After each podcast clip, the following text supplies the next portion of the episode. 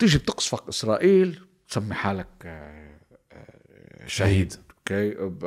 احزاب من بعض بيقتلوا بعض بسمي حالك شهيد. بس هاي مش هيك. هاي بصرف النظر مين قصف ومين ما قصف أو إذا حدا قصف أو حدا ما قصف عمل أمني ولا مش عمل أمني. هذا في شيء قبل هو كلهم. في حدا حط محشاية بنص بيروت. في حدا حط محشاية بنص بيروت. وعملها عن غشمنة عن لقم عن قصد لأنه كان عم بفكر بقصص تانية لأنه كان عم بفكر بجيبته. كلهم مثل بعض. J'ai eu le temps de, de réfléchir sur la condition humaine.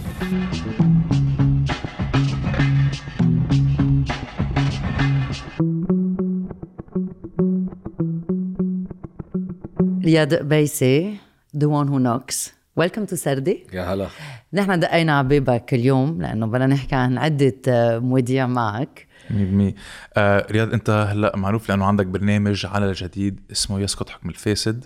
آه بيطلع كل نهار آه، جمعة الساعة 9 ونص. آه بس أنت بلشت من قبل من 2001 كنت تكتب بجريدة السفير.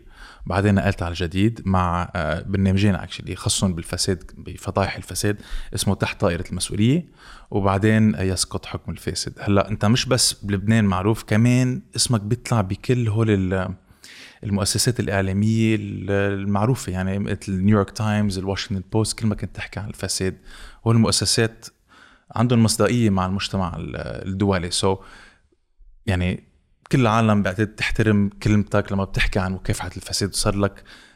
عم بتكافح الفساد أكثر من قد إيه؟ 10 سنين؟ إيه صار لك 10 سنين. مش إنه بلشت ب 17 من تشرين إيه. 2011 2010 بلشنا نعمل نستخدم ال investigative journalism الصحافه الاستقصائيه لخدمه الغرض اللي هو الاساسي اللي هو كشف الفساد وتعزيز مستوى الشفافية بالمجتمع. آه، من وقتها يعني لهلا هلأ آه، نيويورك تايمز وكل الصحف الأجنبية.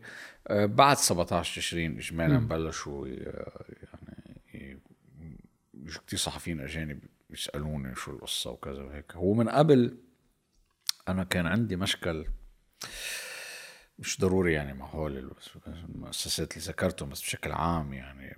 إنه كنت أقول لهم إنه يعني لما نحكي مع الصحفيين عندي أصدقاء صحفيين أجانب كتير يعني.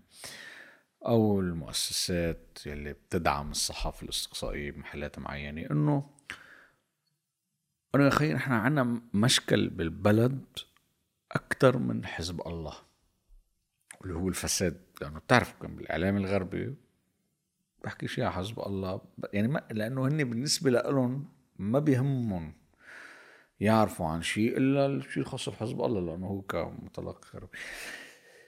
لبعد 17 تشرين آه off, been يعني إنه حتى اللي هو الأصدقاء اللي آه أوكي فعلا كان في مشكلة كتير. كبيره كنت إنه عم نختنق يعني في شيء واصلين واضح إنه واصلينه. وأهمية طبعا إنه هن يسلطوا الضوء كان لأنه يعني صناع القرار هونيك فبدك تفهمهم لهوليك إنه في شيء غلط. خصوصي إنه يعني ما نضحك على بعض يعني جزء من استمرارية الحكومات الموجودة حاليا أو المنظومه الحاكمه الموجوده حاليا هو الدعم الذي اخذته من هذه الدول. الدعم الإقليمي والدعم ال international يعني. طبعا. شو شو أنا اللي عملت يعني؟ أنا أنا أنا رحت صرت عملت باريس واحد وباريس اثنين وباريس ثلاثة هن كانوا يجمعون ويجيبون ويضبون بمحل واحد و... وأكدوا استمراريتهم. آه ويعملوا لهم مؤتمر من هون ومؤتمر من هون كل ما تخانقوا مع بعض ويتصالحوا شو كيف بدنا نرضيهم.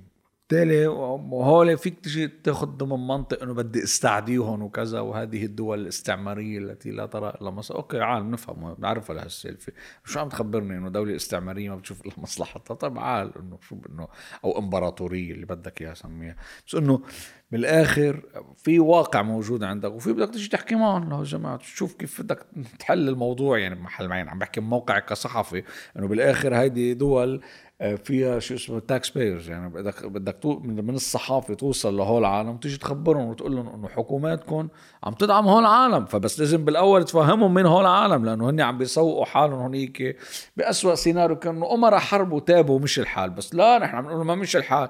هول يعني بدنا نقول لا بتعبير لطيف وهيك. بس عملوا اللي عملوه فينا تقدر تكون. لطيفة على سبب إيه،. إيه، بس كرمال. إيه بس إنه عملوا اللي يعني عملوا اللي عملوه فينا بالحرب وهلا رجعوا عم يعملوه بالسلم. يعني لا خلصنا منهم بالحرب ولا خلصنا منهم بالسلم يعني. صح. طبعا يعني من دون ما نمشي بالسردية تبع إنه يعني المؤامرة. لا أو مثل كأنهم هن نازلين بالباراشوت علينا يعني. إنه بالآخر هو عالم انتخبوهم يعني. يعني المصطلح اللي بستخدمه أنا دائما انه إنه هذه هي عصابات منتخبة ديمقراطيا. أنا كتير واقع وحقيقه مش إنه ما عندهم شعبية بعرف إنه عندهم شعبية. دائما مش العالم تقول لي شفت العالم اللي هاجمتهم شو أنا عم بحكي عم عم بحكي عليهم يعني وهو عصابات يعني. أقل شيء إنه هذا بكون مع إذا بي إذا بيهدوا هون منيح يعني. إنه العالم المحسوبين على هول العصابات يهاجموني. أنت لما بتحكي عن هول العصابات يعني لاحظنا وأنا أنا ومدى يعني كثير محترم شغلك. كثير ومش و... الوحيدين يعني. مش الوحيدين ابدا. يعني أنت مش بس صاحب السؤال بس صاحب الجواب. ما هيك؟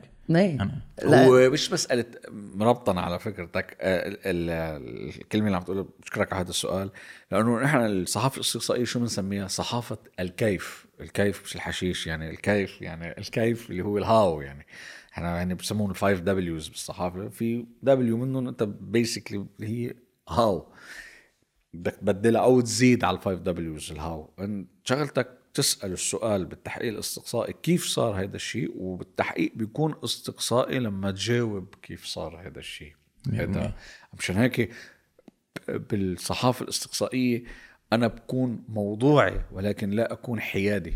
يعني object أنا بكون objective بس ما بكون impartial هيدي السوالف إنه أنا على بوقف على الحياد ما بين الجلاد والضحية. لا أنا ما بوقف على الحياد بين الجلاد والضحية. بس بنفس الوقت أنا ما بخترع أدلة لدين الجلاد حتى لو أنا ما بطيقه ولا بركب مقدمات بما يتناسب مع نتيجة أنا مركبها مسبقا.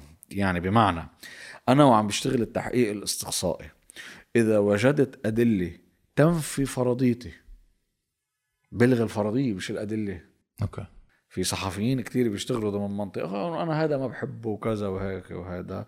أو على فكرة ليش آه، أحزاب السلطة عم تجرب قد ما فيها تعمل شيء بيشبه اللي نحن بنعمله وعم يفشلوا.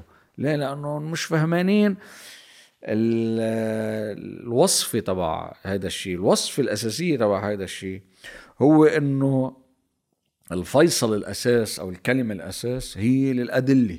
وأنا وعم بشتغل لما شوف أنه في أدلة بتتنافى مع الفرضية اللي أنا بكون عم بحاول أثبتها حتى لو أنه هذا الجلاد أنا ما بطيقه وما لي خلق عليه ومناي شوفه آه، عم بتثبت عليه التهمة. بس ما لقيت أنه الأدلة بتنفي هذا الشيء بلغي الفرضية كليا أو بعدلها. بس أنت عم تعمل يعني شغل مش طبيعي يعني ما هيك؟ عم تعمل شغل الدولة عم تعمل لا لأنه اليوم اذا اليوم إذا مواطن لبناني بده أجوبة عن شو صار بمرفق بيروت أو شو ليه وين راحوا مصرياتهم أو ليه ما في كهرباء؟ ما في جواب مزبوط؟ بتضيع الملف وبتضيع إيه. الطاسة. صحيح. رح أقول لك شغلة هو مش أنا عم بعمل شغل الدولي بس اللي عم يصير هو التالي. أنا أو غيري من زملاء الصحفيين اللي عم يشتغلوا بهذا المجال. بس خلينا نقول اللي صار هو التالي. هو الطبيعي يكون في صحافة استقصائية وموجودة كتير بخصوص بالأنظمة يعني الديمقراطية. لأنه لها دور للصحافة. خليني اعمل هالمقدمة بس لوضح شو عم بقول. لأنه الصحافة الإستقصائية لها دور بانتظام العلاقة التعاقدية. الصحافة بشكل عام والصحافة الإستقصائية أساسا بهذا ال social contract الموجود. يعني هو شو أنا شو الفكرة؟ أنا بنتخب ناس مشان يديروا شؤون البلد. لو مش معقول كل العالم تدير شؤون البلد. فهول مقابل هذا الشيء أنا عم عم بأتمنهم على المال العام. أنا وعم بأتمنهم على المال العام. لازم اكون حريص على إنه شو يعملوا. يكونوا عم بيصرفوه بطريقة مزبوطه كيف بدي أتأكد Public من servant هذا exactly خادم عام. كيف بدي أتأكد إنه هذا الشيء عم ينتظم مزبوط من خلال المؤسسات الرقابيه الموجودة ببلده من خلال الإعلام لأنه هو ال monitor اللي من خلاله بدي اشوفه فالصحافة الاستقصائية هنا نعمل تشبيه كتير بسيط. هو مثل إذا أنا جيت واحد كلفته قلت له أنت حبيبي هيك يعني أنا هن موظفين عنا. إيه. عم تدفعوا معاشهم إيه عم تدفعوا إيه. معاشهم أنا مرة بتذكر 2016 لما عملنا Swiss Leaks طلعت قلت إنه نبيه بري وشلعون وسعد الحريري ونجيب ميقاتي هم موظفين عندي. كنت عم صلح السيارة عند الميكانيكي فبيقوم بيقول لي أنت شو قلت امبارح؟ قلت له على طريق المطار. قلت له قلت إنه نبيه بري وموظف عندي. قال لي شو بدك؟ ما تقول الحكي هذا يا زلمة. قلت له خي شو نبيه بري موظف عندك. قال لي موظف عندك مش موظف عندي. شو بدك تخرب لي بيتي ما بدي. ما بتقبل الفكرة. so الخادم العام هو موظف. هلا نعمل تشبيه لأنه أنا جيت في محل أوضة. قلت له أنت نظف لي إياها لهالأوضة. اجى هذا الخادم العام نظف الأوضة وشال الغبرة كبهم تحت السجادة. الإعلام التقليدي أو الإعلام بشكله التقليدي هو اللي جاي يجي يقول لك شو وضع السجادة؟ الأوضة نظيفه فحيخبرك إنه الأوضة نظيفه الإعلام الصحافة الاستقصائية هي تيجي تقول لك هذا خباهم تحت السجادة. ضحك عليك. يعني أخذ منك مصاري وما نظف الأوضة. هذا خباهم تحت السجاده هلا اللي صار بلبنان الفرق برا؟ ال- ال- الشعب بيوثق بمؤسساته وفي آه، بحدود معينة وبالتالي بي بي يعني يركن إلى الصحافة الاستقصائية ليتأكد إذا العلاقة التعاقدية بعدها شغالة حدا عم يجرب يتحايل علي ولا لا. بس في حدود في هوامش معينة. 100% so بيوثق بالمؤسسات يعني في المخابرات في كذا في هونيك بيوثقوا فيهم. هلا أنا بحكي لكم شغلة على سيره المخابرات هونيك كذاب على. باب بيته يعني. إيه إيه بس إنه حتى كيف المؤسسات والدولة العميقة كيف تكون موجودة بالدول الديمقراطية حتى للحرص على المصلحة العامة. بس بمعزل عن هذا الشيء هون اللي صار من بعد 17 تشرين الناس بما في ذلك مناصري الأحزاب فقدوا ثقتهم بالدولة. لأنه حتى يعني اللي هو العوني بيقول لك اللي العوني عوني بيصدق عون بس ما بيصدق بقية مؤسسات الدولة يعني نفس الشيء حركة امل نفس الشيء حزب الله. نفس الشيء تيار مستقبل واشتراكي. مضطر دائما نسمي مشان ما نقول عم نستهدف حدا. بالتالي في شريحة كبيرة من العالم سواء اللي مف... اللي هن انسلخوا كليا عن الأحزاب أو هول اللي هو مثلا بيصدق فلان بس ما بيصدق فلان بحاجة يسمعوا ناراتيف تاني. هون بتصير انت ومصداقيتك وانت وشو عم تعرض يعني انت وعم تحكي. عم تطلع تحكي هيك تسولف ولا عم تطلع تحكي وتعرض evidences facts.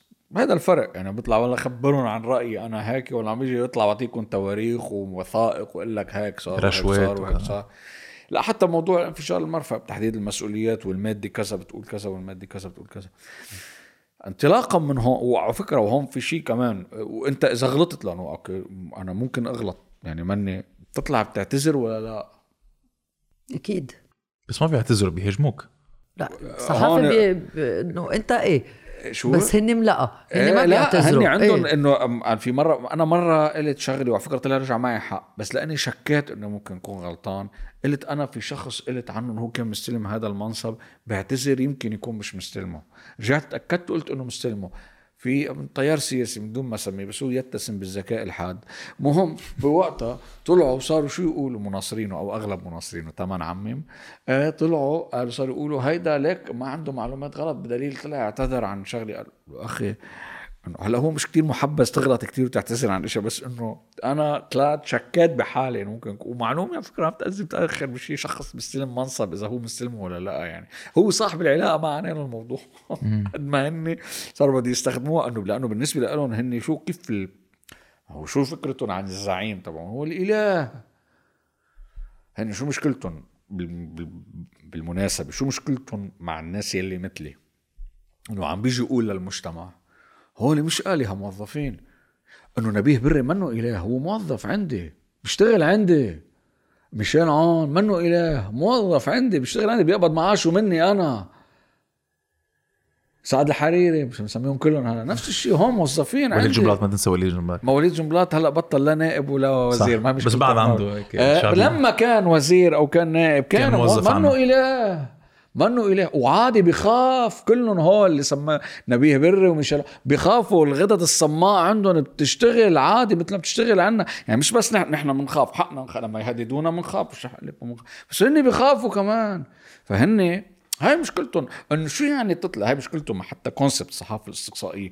شو يعني يطلع واحد يتحدانا بالأدلة؟ وما نقدر نعمل له شيء. أو لما نرفع دعوى عليه نخسرها مثل لما عمل جبران باسيل. آه، تزوير واستعمال مزور. قال لك لك من سيرفي على على شو التفصيل التافه؟ أنا أخذت الكلمة وعملت عليها غنايه وهي بصرف النظر شو هي يعني هلا. بس إنه هي ما بتخيل إنه ثابت بالتسجيلات كلها إنه في عمولة مدفوعة وما حدا اجى قال أنت دافع أنت دفع لك عمولة. كل اللي قال إنه أنت لما كنت وزير وعم تدافع عنا للصفقة وتحتد كل ما حدا يقول إنه عليكم مش طلعت مش بس إنه يعني أنت كانت عم بتصير بوقتها وشاكك ومع ذلك أنت كملت. طب ليه؟ هلا ما مشان ما يبين إنه هو يعني دائما عم نحكي. بس إنه الفكرة إنه هول العالم منهم آلهة. عادي ناس ناس ناس. وهيدا الشيء الرعب بالنسبة لهم لإنه هن العلاقة المفيوزية اللي بينينا هيدا Untouchables. جاد فاذر انتشبل إنه كيف يعني بيجي هيك صحافي مش مقروح؟ مين هو هذا اللي لأنه بيجي؟ أنت لما بتحكي بال يعني بال بحلقاتك بتكون عم تأشر عم تطلع بالكاميرا ما عم تحكي مع جمهور. ما بتحكي. بحكي معهم. بتحكي معهم. معهم 100% طبعا أنا بحكي مع العالم بحكي مع العالم عادي. أكيد ما حاجي أحكي مع العالم. هلا هو ب... على فكرة يعني هو مش كثير يعني فكرة حتى فكرة الإصبع. بس هو الإصبع عم بستخدم أدواتهم. يعني بعمل. recycle لأدواتهم تاعي. حتى ال... ال... كيف بحكي معهم. نف... عم بحكيهم باللغة التي تليق بهم. كيف هن ب... ب... ب... بيستحقوا ينحكوا؟ بحكيهم.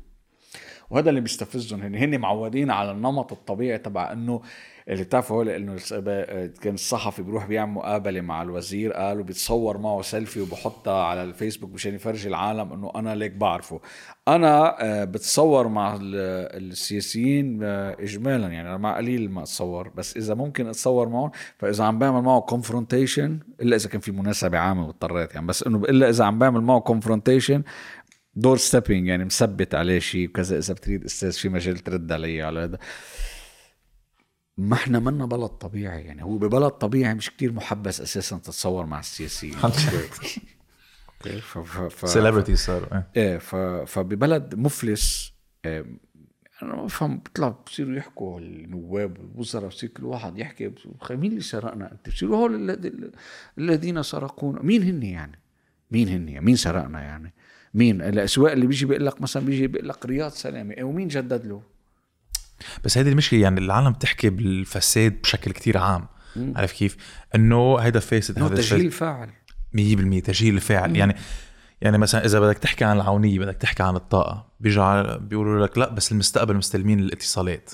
بيرجع بيقولوا حركة أمن مستلمين هو الماليه هو هو كلهم معهم حق.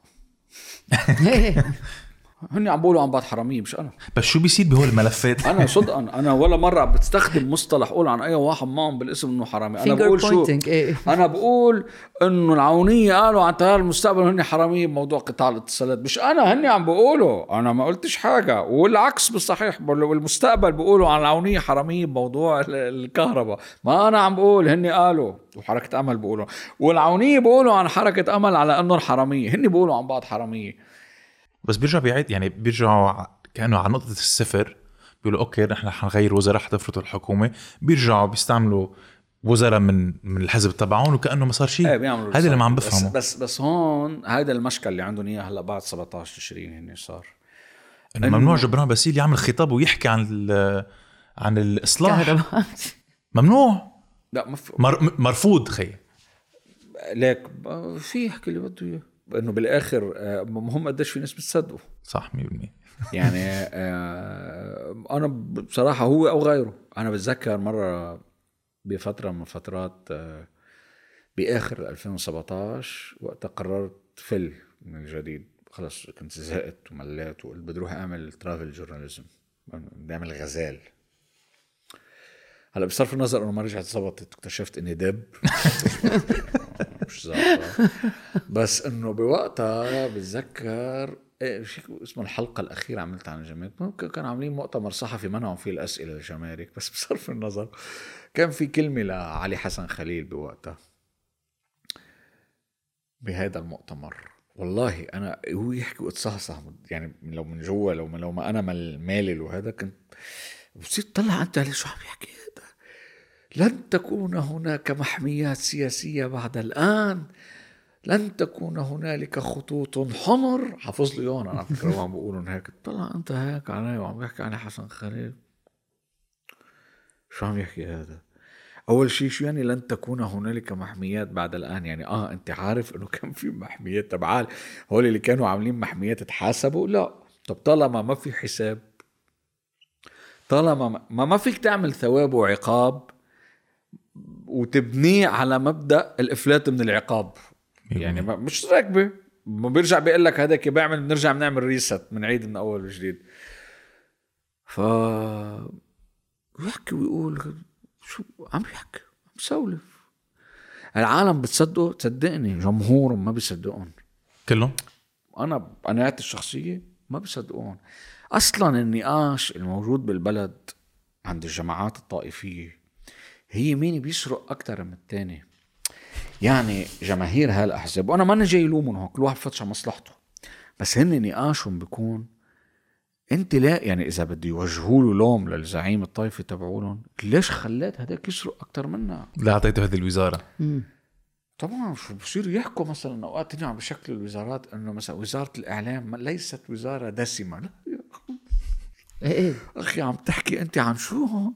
إنه بكل وقاحه بتنكتب بالجرايد وما في صحفيين بيطلعوا بيناقشوهم مثلا إنه شو قصدك؟ والمنطق. وزارة. دسمة يعني. أخي هاي خدمة عامة. أنت مفروض عم تقدم خدمة عامه لا لا لبنان بلد لا نظير له. لا نظير له. شو بدك؟ مكسيك؟ كولومبيا؟ ما في شيء مثل لبنان على مستوى العلاقة المفيوزية الموجودة بين العالم والناس الموجودين بالحكم. ما في شيء. آه بكل هالبلدان اللي سميت لك إياها في حد أدنى من أشكال الدولة؟ نحن معنا سقف يعني؟ ولا شيء. ولا عم بق... عصابات تكتم بي... أو في ح- المحامي نسيت شو اسمه هو استخدم هذا المصطلح قاله ما ما قال نيويورك تايمز. قال إنه نحن بنعرف بلدان فيها عصابات قوية. لبنان هو الحالة الوحيدة يلي هو دولة آه، عصابات بتملك دولة. ما بتحس حالك غريب أوقات أنت بتصير تقول لهم والله ما تواخذوني يعني أنا بعتذر منكم يعني بس عم بسأل هالسؤال يعني بتحس حالك إنه أنت خيي عم تتطفل عليهم عم تسألهم إشياء بلا طعمة إنه بصير لك خي نحن مبسوطين. أنا بعرفهم هون. أو الليره بالف خير أو مصرياتك بالبنك. آه بال... عم بقول لك بكل في- وقاحة. في جمهور اكتشف تحقيقاتنا بال بال بال 2019 ما كان بيعرفنا السبب لأنه وعلى فكرة أنا ما كنت ملاحظ هذا الشيء لأنه أنا كنت معتبر إنه في عنا لحظات peak خصوصي وقت قصه الجمهور وكنت مفكر إنه هذا ال peak ما عارف إنه عن جد هالقد بعد في جمهور ما نحن مش مش مش واصلينه ف عم بحلل الموضوع. ما بدي أحمل العالم مسؤولية بس إنه كان إنه خيا عم نسافر على تركيا. شو شو بدك؟ عمليات تجميل عم ناخذ قروض عليها. عن جد كنا عم نتشبرق قال بيقول لك الدعم. ما الدعم مبلش من minimum minimum الدعم مبلش 2016 أنا برأيي من قبل. المصاري كانت عم ت... ويا ريتها مش مصريات لمصريات المودعين هول كانوا عم يتصرفوا حتى مش مصريات ال... يعني ال... شو بسموها يعني الدولة أو لا لا لا مصريات المودعين هاي. فبالتالي عالم كان بالنسبة شو جاي تنزع بارتي بوبر إنه أنا انه إنه أنت هلأ مبسوط تنزع الجو، عم تنزع الجو تنزع رياض. الجو هلأ ولو يعني بالشو متذكر لما كشفت حسابه لرياض سلام بالف- مشكلة هو العالم ما في بال شيء تحكوا 2016 معهم إيه. 2016 وقلت أنا لا بدعي إني أنا خبير مصرفي ولا مخ بالإقتصاد صراحة. بس على قد ما بعرف يعني بتركيبة الشركات قدرت الحق بوقتها لما صابت هي اجت Swiss Leaks مع مع Panama Papers مع بعض. كان بعد Panama Papers مش مش يعني مش معلنين عنها بس كانت المستندات عندي. لهيك هو وقتها كثير تفاجأ. بس بمعزل إنه بوقتها خي جينا قلنا لكم إنه هذا الزلمة حاكم مصرف لبنان حاطط جزء ما حقول كل وقتها جزء مصرياته بسويسرا.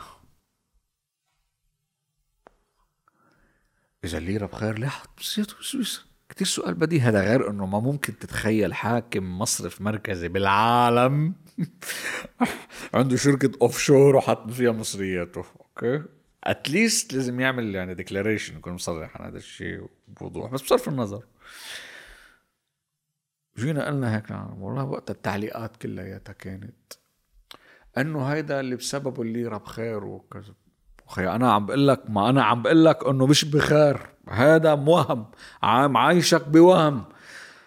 عم ينجور لك شيء فبده يركب آخر شيء واصلين عليه. عم بس وصلنا عليه. هون ال- الدراما يعني. بس وصلنا عليه.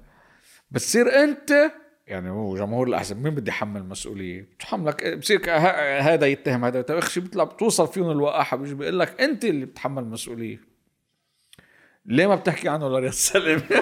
بتقول له أنت بس sorry بس آه، أنا اللي كشفت حسابه بال 2016 وأنا رجعت بعز دين الثورة يعني جزء مع كنت جزء من فريق من ال OCCRP ودرج وكشفنا لك مش بس حسابه. كمان بعض من ثروته بس أقله بأوروبا واللي هي جزء من الملاحقات اللي معه أنت شو عملت غير إنك عملت معه بنك سيدرز ب 2016 وركبت معه أجهدت خطه الخطة الحكومية مع إبراهيم كنعان. شو عملت غير هيك؟ فيك تخبرنا بالتفاصيل شو صار؟ شو عمل رياض سلامه للأشخاص اللي بركي ما بتعرف؟ لأنه اللبنانية جعبالهم يعرفوا وين راحوا بدي يعني مصرياتهم يعني. التفاصيل. والله ما بعرف أنا بع... يعني ما ب... أنا بعرف إنه هو عمل شيء بسميه الهندسات المالية. ما بدعي إن أنا الخبير اللي بيقدر يشرحها. بشكل تقني. في أشخاص غير مؤهلين أكتر يشرحوها يبسطوها للناس. بس خليني أقول إنه هو اللي عمله مارس السحر الأسود على ودائع الناس وحولها إلى أرباح للمصارف. بسهولة. هيك. واللي هو شيء ما خصه بالعملية المصرفية. بحجة إنه بدي خلي الدولار 1005 وكل هالكذبة والسالفه اللي بقول لك إياها قبل 17 تشرين وبعد 17 تشرين كذبة لأنه تهريب الودائع بلش قبل 17 تشرين بكتير. وهذا مثبت. وفيك تفوت على الدايجرام وتشوف تبع الأصول الأجنبية وبيبين عندك بوضوح ببين عندكم بوضوح هذا الشيء. اخترعوا كذبه اسمها قبل وبعد 17 تشرين والعالم صدقتها. ولك ما يبين ع- يعني بين أنا هون عم نظر على العالم وهيك. أنا والدي زلمة فانا عمره عم بيشتغل بالخليج القطاع المصرفي اجى لهون كمل وكان ضابب هالقرشين مشان آخرته. وكان عنده قطعة أرض. باعها قبل الثورة بكم شهر. لا وشو المصاري؟ باع لقرابته بأمريكا. المفروض تفاصيل يعني بس إنه شو يعني مش fresh هولي هولي. super fresh. يعني المفروض. من أمريكا لهون. بس هو بيي يثق بالنظام المصرفي. أنا قلت له وقتها لبيي بيي ما تصدقون بس بيي ابن القطاع المصرفي يثق بالقطاع المصرفي. هلأ مصريته محبوسين بالبنك. مثل كل اللبنانيين. ويمكن اللي بعد تعول 17 تشرين يحولوا له اياهم على اللبناني بالقوة هلا مثل عم بيقولوا. واللي قبل عم بقول لك قبل بكم شهر جابهم من أمريكا لهون هلا عم بيعطونا اياهم يعني ال 400 دولار بيعطوه اياهم وال 400 تاني على 12000 تخيل قد إيه اليوم الدولار 32000 آه، يعني إنه مش عم لوم العالم. إنه أنا قلت هذا بي. وكتير ناس بعتقد نفس الشيء وأقارب لإلي وما صدقوا اللي أنا قلته. أنا وغيري قلنا بوقتها إنه نحن رايحين على المهوار. أنا سحبت بتذكر وقتها تعويضي لأني فليت من جديد ورجعت سحبته مثل ما هو. قلبته دولار وخسرت فيه. سحبته من البنك رجعت. وقتها بس سحبته من البنك عرفت إنه في مشكلة كبيرة رحت عم بديش سيارة دغري فيه وقتها. لا كان مرتي بدها ولدت جديد وكان بدها سيارة كبيرة لعيني اشتريت سيارة. بوقتها سحبت تعويضي رحت على البنك بدي اسحبه دولار مع. عانات لحولته من لبنان للدولار على مراحل. لا قد إيه بيحولوا لي؟ رحت سحبته. من دون ما نفوت بالبنوك وهذا قالوا لي ما في. قلت له شو ما في؟ وما مش هالمبلغ يعني ما مبلغ صغير عم سيارة. شو سيارة؟ ما جبت فيراري يعني. سيارة عائلة؟ مم، سيارة هون ما في من هالفرع لهالفرع لهالفرع. اخر شيء أخذوني على الفرع جايبينهم واضح جايبينهم من عند صراف هيك حاطينهم بكيس أسود أعطوني إياهم. مبلغ أقل من 20000 وقتها أنا قام طلع فيي تبع البنك قام قال لي شو؟ وضع صعب. شو قولك عم تعطيني الدولارات جايبهم من عند صراف. بالبنك أنا عم تعطيني الدولارات من عند صراف. شو قولك بكيس أسود بكيس خلاص نايلون. واضحة كانت. واضحة واضحة. وأنا ما- عن جد اللي أنا بدي شو انه مش أنا بدي إن أنا عندي رؤية وبشوف عم لك ما بدي إنه بفهم بالاقتصاد وهذا هيدا أي سنة؟ الف... هاي 2018 2018 آه. واضحة واضحة كانت واضحة. وقتها كان عم بيصير في تهريب ودائع. هذا اللي ما عم بفهمه إنه كيف في عالم اولك شافوها غيرك مثلا؟ وس... يعني لا لا اللي شوف كثير صحفيين حكيوا. محمد زبيب انبح صوته يحكي صح. تحية له. هلا انت مثلا بتحكي عن هول المواضيع وبتطلع كل كل نهار جمعة بتحكي عنهم من وين بتجيب الجرأة والطاقة كرمال تحكي عن هول المواضيع؟ إنه أكيد بتتعرض للتنمر بتتعرض للتهديد يعني أمرار كمان هددوا لك عائلتك إذا ماني غلطان طلعت على جديد كرمال تحكي عن الموضوع. لك ال- الطاقة بجيبها من الطاقة السلبية تاعيتهم. يعني هن كل ما يعني أنا أوقات بكون ما مناوي كتير هيك بقوموا هن بيستفزوني بقوم أنا بشرقط يعني يعني جزء يعني اللي هن ال- بغزوك. ال solar panel تبع الموتور حاطط أنا هيك منصات طاقة بتستفيد بتحول الطاقة السلبية اللي عندهم ل energy ببيت الوسط. بالقصر الجمهوري بمجلس النواب كلهم كل أنا بس شوفهم معصبين بنبسط بكيف يعني كل ما ببين هذا الشيء من. مشان هيك على فكرة انتبهوا هن هذا الشيء صاروا يخففوا ردات فعل على الم... عف- وكل حزب بيعمل معي بسموه بيعمل معي الدورة. يعني بيعمل دورته معي. يعني مثلا ببلش مع حركة أمل ببلشوا معي آخر شيء بيكتشفوا إنه هذا كل ما تستفزه وتحركش فيه رح يرجع يحركش فيك. ما في لأنه طالما تحركش فيه أنت عم يحركش فيك هو. 100% عم تعطيه ال- ال- ال- ال- الدوافع ليكمل. نفس الشيء العونية نفس الشيء كله كله كله عمل معي البرمه طير المستقبل كله عمل معي البرمه اللي هي طبعا إنه أول شيء بنجرب بصير أو الأشياء التافهة بصيروا يس- يسخفوا فيه. على فكرة هلا في منهم مش كلهم ما طلعوا منها كليا يعني بعدهم مثلا عندك مثلا العونية بعضهم هن ما بعرف مغرمين بعضهم بيصور السيستم بالكرشة امريكي والفانيلا تبعي ما بعرف انه قلت لي؟ أبو فانيلا انه المفروض أنا المفروض أزعل يعني بس لي أبو فانيلا عن جد بصير طلع أنا هيك إنه ما لازم ألبس بقى فلانة أنا صورة أنا ناشرها صورة أنا ناشرها عندي على الصفحة. بتيجي بتهتني فيها بتقول لي أبو فانيلا. هذا ده آخرك على رأية المصارو يعني. أنت عصرت عصرت عصرت دماغك. ليش تقول له أبو فانيلا يعني. wow. so creative أنت أنت ببرنامجك يعني اللي بتعمله بت- بتشرح ال- بيروقراطية الدولة اللبنانية وبتكشف الفساد. يعني بتفوت بالتقنيات بتفوت بال paper trail بتفوت يعني بتعمل ال heavy lifting وبعتقد هلأ يعني لبنان شوي ضاع لأنه الدولة اللبنانية بكل أركانها بتجرب بتعزز هيدي قصة المؤامرة وفي مؤامرة أو ما في مؤامرة. ويعني بيضيع بهول التفاصيل اللي بيجربوا هن يضيعوك فيهم. so so, إذا فينا يعني ناخد خطوة لورا وتحكينا أول شيء عن موضوع كتير بيهمنا اللي هو تفجير مرفأ بيروت. وأكيد بنركز على كلمة تفجير لأنه فجروا فجروها. يعني كانت detonation فيك تشرح لنا بالضبط كيف نحن وصلنا لهون؟ لأنه اليوم ال- السردية بالبلد آه، بطل آه، بدنا نجرب نفهم مين فجر بيروت ومين قتل اللبنانية. هلأ اليوم كل الحديث حول طارق بيطار ادمي عم بيعمل شغله مش عم بيعمل شغله صارت. إيه، personality حولوا contest مثل Miss Universe يعني. النقاش. حولوا النقاش لهون لأنه بس طبيعي استنزف يعني ما هو يعني الموضوع أني عارفانين كانوا إنه حيخلوه يروح بهذا المحل ياخذ يعرقلوه لما ياخذ قرار ظني. و meanwhile آه، آه، بساعتها بس ياخذ وقت بقدر اخذ النقاش على هذا المحل. شوفوا أنا الانفجار بذاته ما بعرف شو ممكن يكون سببه. ممكن يكون آه، عمل أمني. ممكن يكون آه، لا بستبعد قصف لأنه يعني آه بتستبعد القصف؟ لأنه مصور من كذا ميلي يعني كيف ما قدرت أشوف القصف. بس قلت بستبعد ما قلت أنفي كليا أوكي؟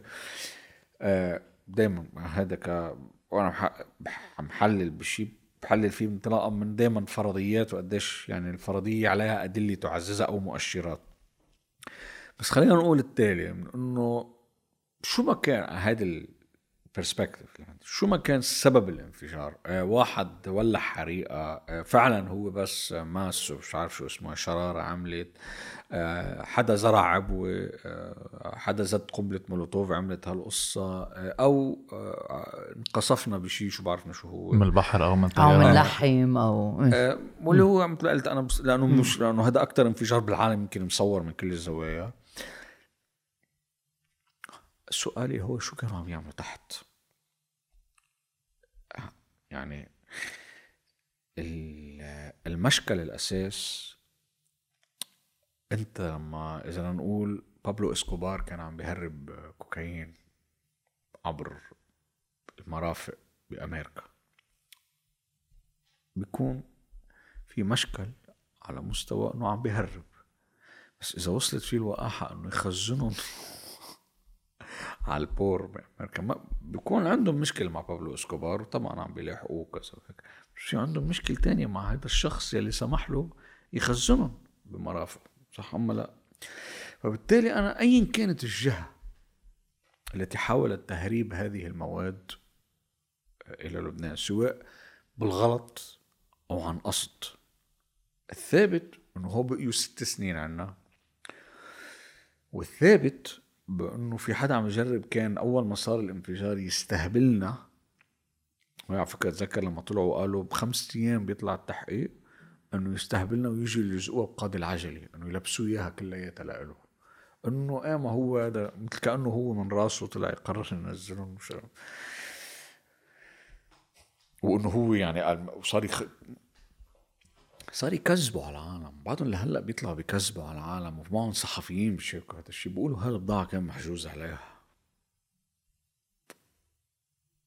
هذا هذا لهلا هلأ بعدنا بطلع بنسمعه طلع أنت هيك بخيي في حد ادنى في حد أدنى من الضمير الإنساني.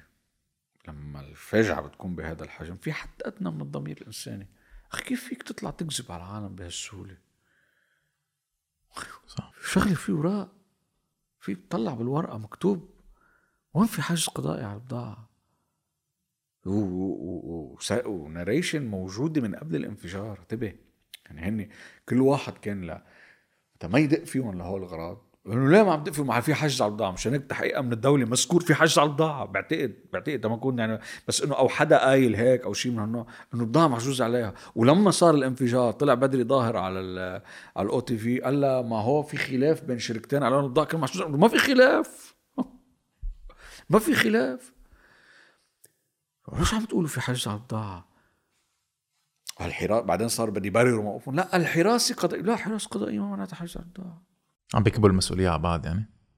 مثل العادة. عم بيبق يطلع سعد الحريري يقول تعرفوا شو يعني؟ على أساس هو يعني يعني النابغه الفتح اللي بيعرف شو يعني. قال تعرفوا شو يعني قرار قضاء؟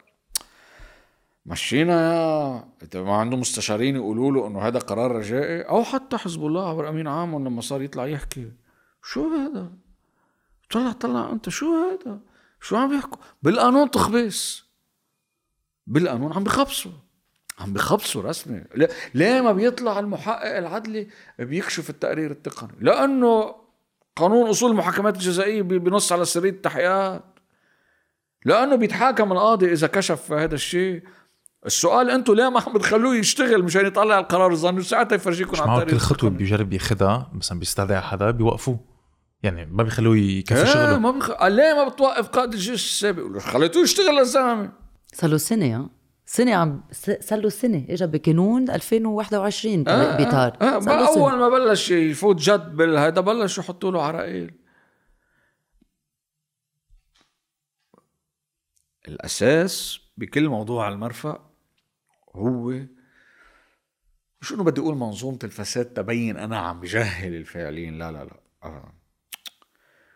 منظومة الفساد بمعنى بأنه سواء كانت هذه البضائع معدة لأن تتهرب على سوريا اللي هو أو بالصدفة وبالغلط وصلت لعندها وتقرصنت عم بلمح بوتين أو هن وقيت وبالغلط بقيت. الاحتمالات الثلاثة هالفرضيات. الثلاثة الأساس النقاش إنه في منظومة فساد مسؤولة عنها هذه الطبقة السياسية عشان ما عم نجاهل. منظومة فساد هي يلي سمحت لحدا بأنه إذا كان هو فعلا عملها عن قصد يتجرأ ويقرر يخزن نترات الأمونيوم على البور بين الأحياء السكنية أو يكون غشيم لدرجة إنه يتركهم بين الأحياء السكنية. اثنيناتهم بالنسبة لإلي هن واحد لأنه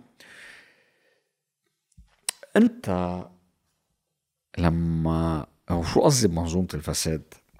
أنت بكون عندك مرفق عام تيجي بتجوب الناس تعينهم على كفاءتهم مشان يحولوا هذا المرفق العام إلى محل بيجيب مصاري للدولة. ونحن بلد لا صناعه فيه ولا مش عارف شو فيه فيه بس هالبور عمليا حتى سياحة بطل فيه آه.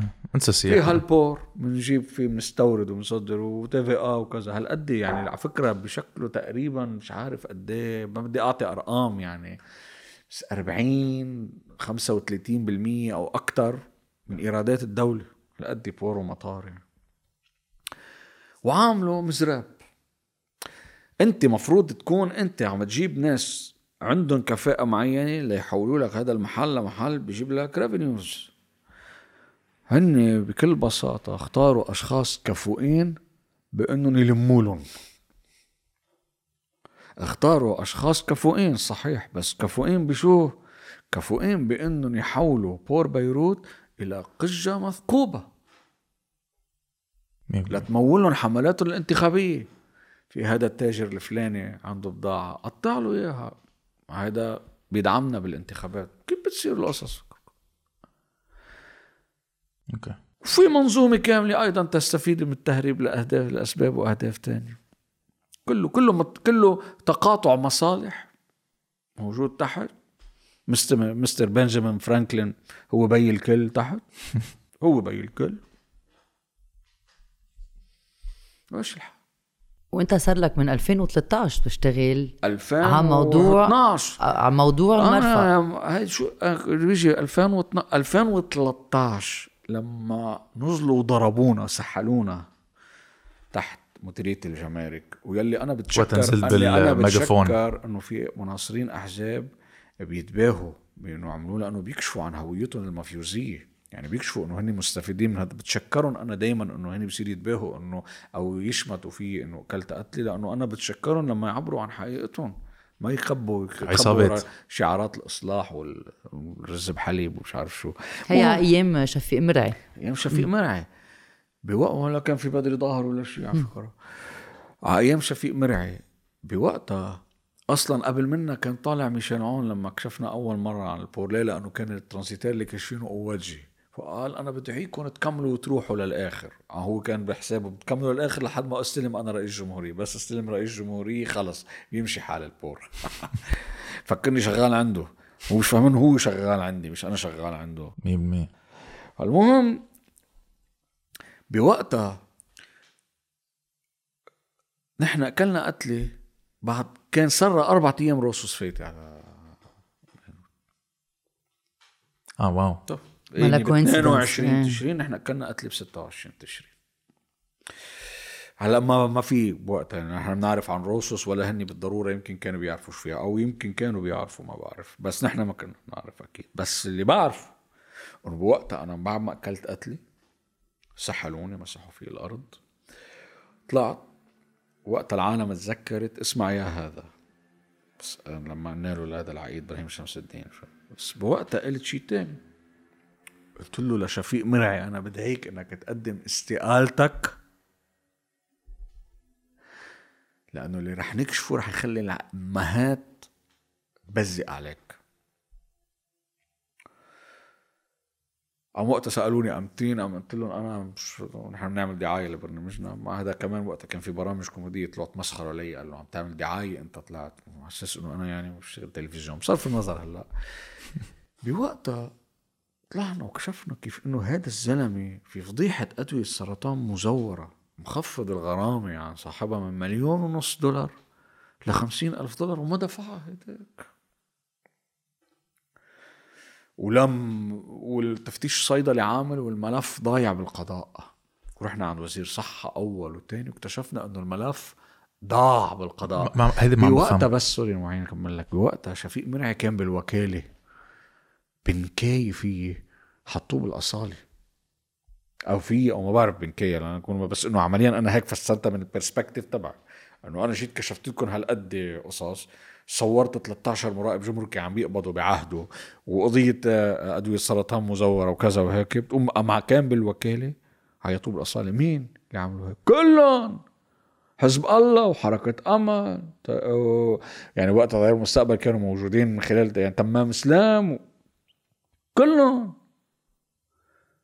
والاشتراكية كلهم كيف ما هذا اللي ما عم بفهمه كيف بيضيع طيار ملف؟ الوطن الحر قسما نكون نسيناهم يعني كيف بيضيع ملف؟ ما يعني ما فيت ما- لك بيقول لي وقلب فورا. قلت له أنت هذا الملف.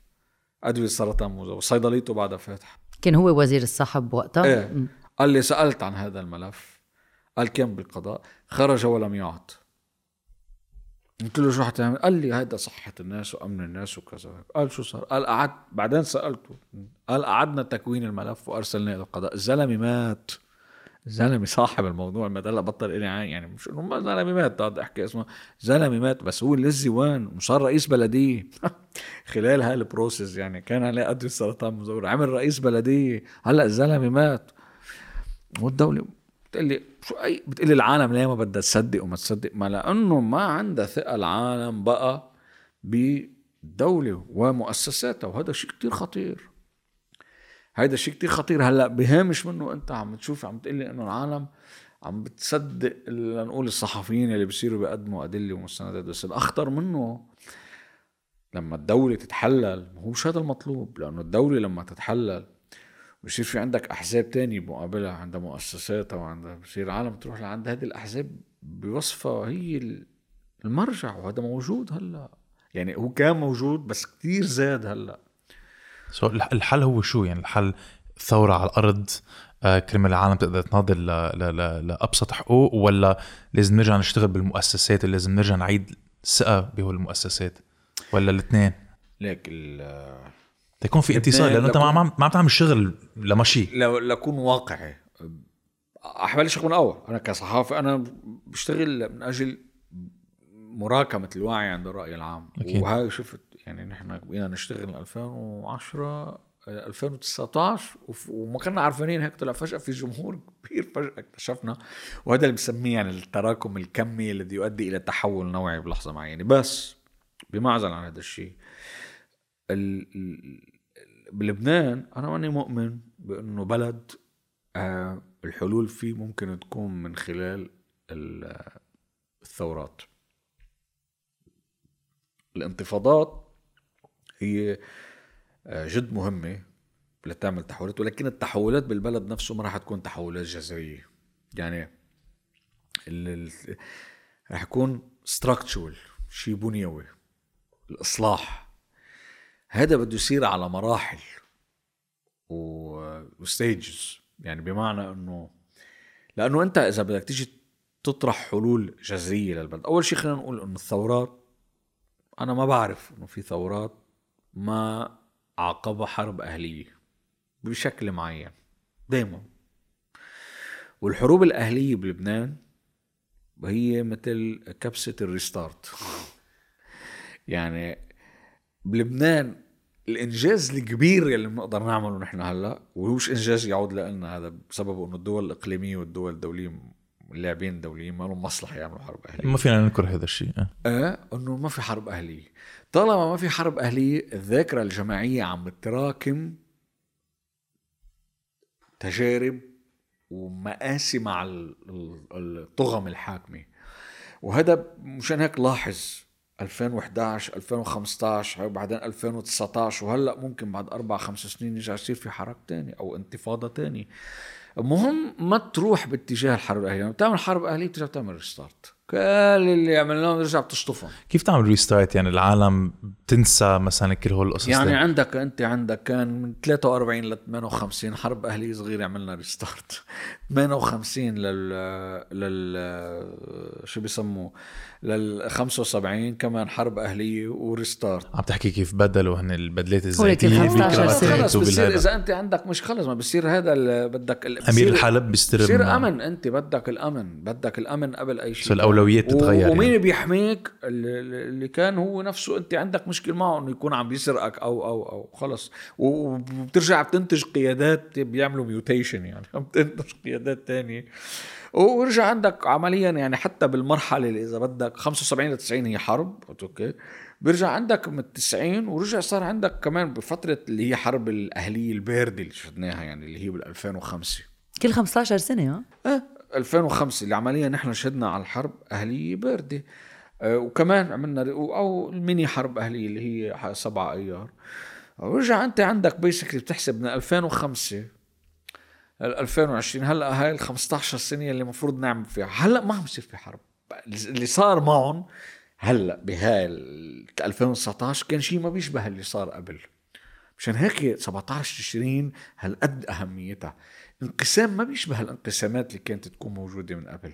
يعني بمعنى إنه بال 58 كان في مشاكل و بس رجعت تحولت مسلم مسيحي.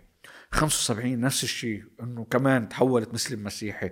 2005 تحولت سني شيعي. هلأ منا هيك. عم بيعملوا ما منا هيك. كيف ما جربوا وخلوا بقى وقت 17 20 واحد آه، آه، من ألمانيا سب مش عارف مين. وين هو هذا آه. على فوقه وين هو هذا اللي فجأة البلد الش... كان كل العالم تحكي فيه. آه كل العالم تحكي. أوه سب مش عارف مين. وين هو دخلك هذا؟ شغل أجهزة. بصرف النظر هلا. ما عم واللي صار بالطيونة كمان. واللي صار ما عم تزبط معهم. ما عم بعده لأنه لأنه ال ال ال ال الهم الاجتماعي ضاغط كتير. فما عم تزبط معهم وما عم تزبط معهم هلأ كمان سبب إنه الدول الاقليميه والدول آه، اللاعبين الدوليين ما لهم مصلحة بالحرب الحرب الأهلية. ليه هلأ ما عندهم مصلحة بالحرب ما الأهلية؟ لهم مصلحة لأنه بالنسبة لهم خليه هيك بلد منيح. مع لأنه انتبه لأنه أنت ما لهم مصلحة حتى يشددوا للطبقة السياسية الموجودة حاليا. شو ليه؟ الحل؟ هن بس ما انه ما خلص يا, يا أما كارتون خلص قطع أو شيء من شيء يعني بعت يعني بالآخر هلا أنا يعني هون عم حلل معلومات بس إنه بالآخر ال- الدول العظمى أو الدول الإقليمية علاقتها مع اللاعبين المحليين شو بتكون؟ قد إيه بستفيد منهم أنا؟ إذا. بيعمل لي قلاقل ووجع راس أنا شو بدي فيه؟ عمليا ال- الحزب الوحيد يلي عنده مشروعية من عم بحكي من أحزاب السلطة يعني عنده آه، مشروعية شعبية هلأ هو حزب الله.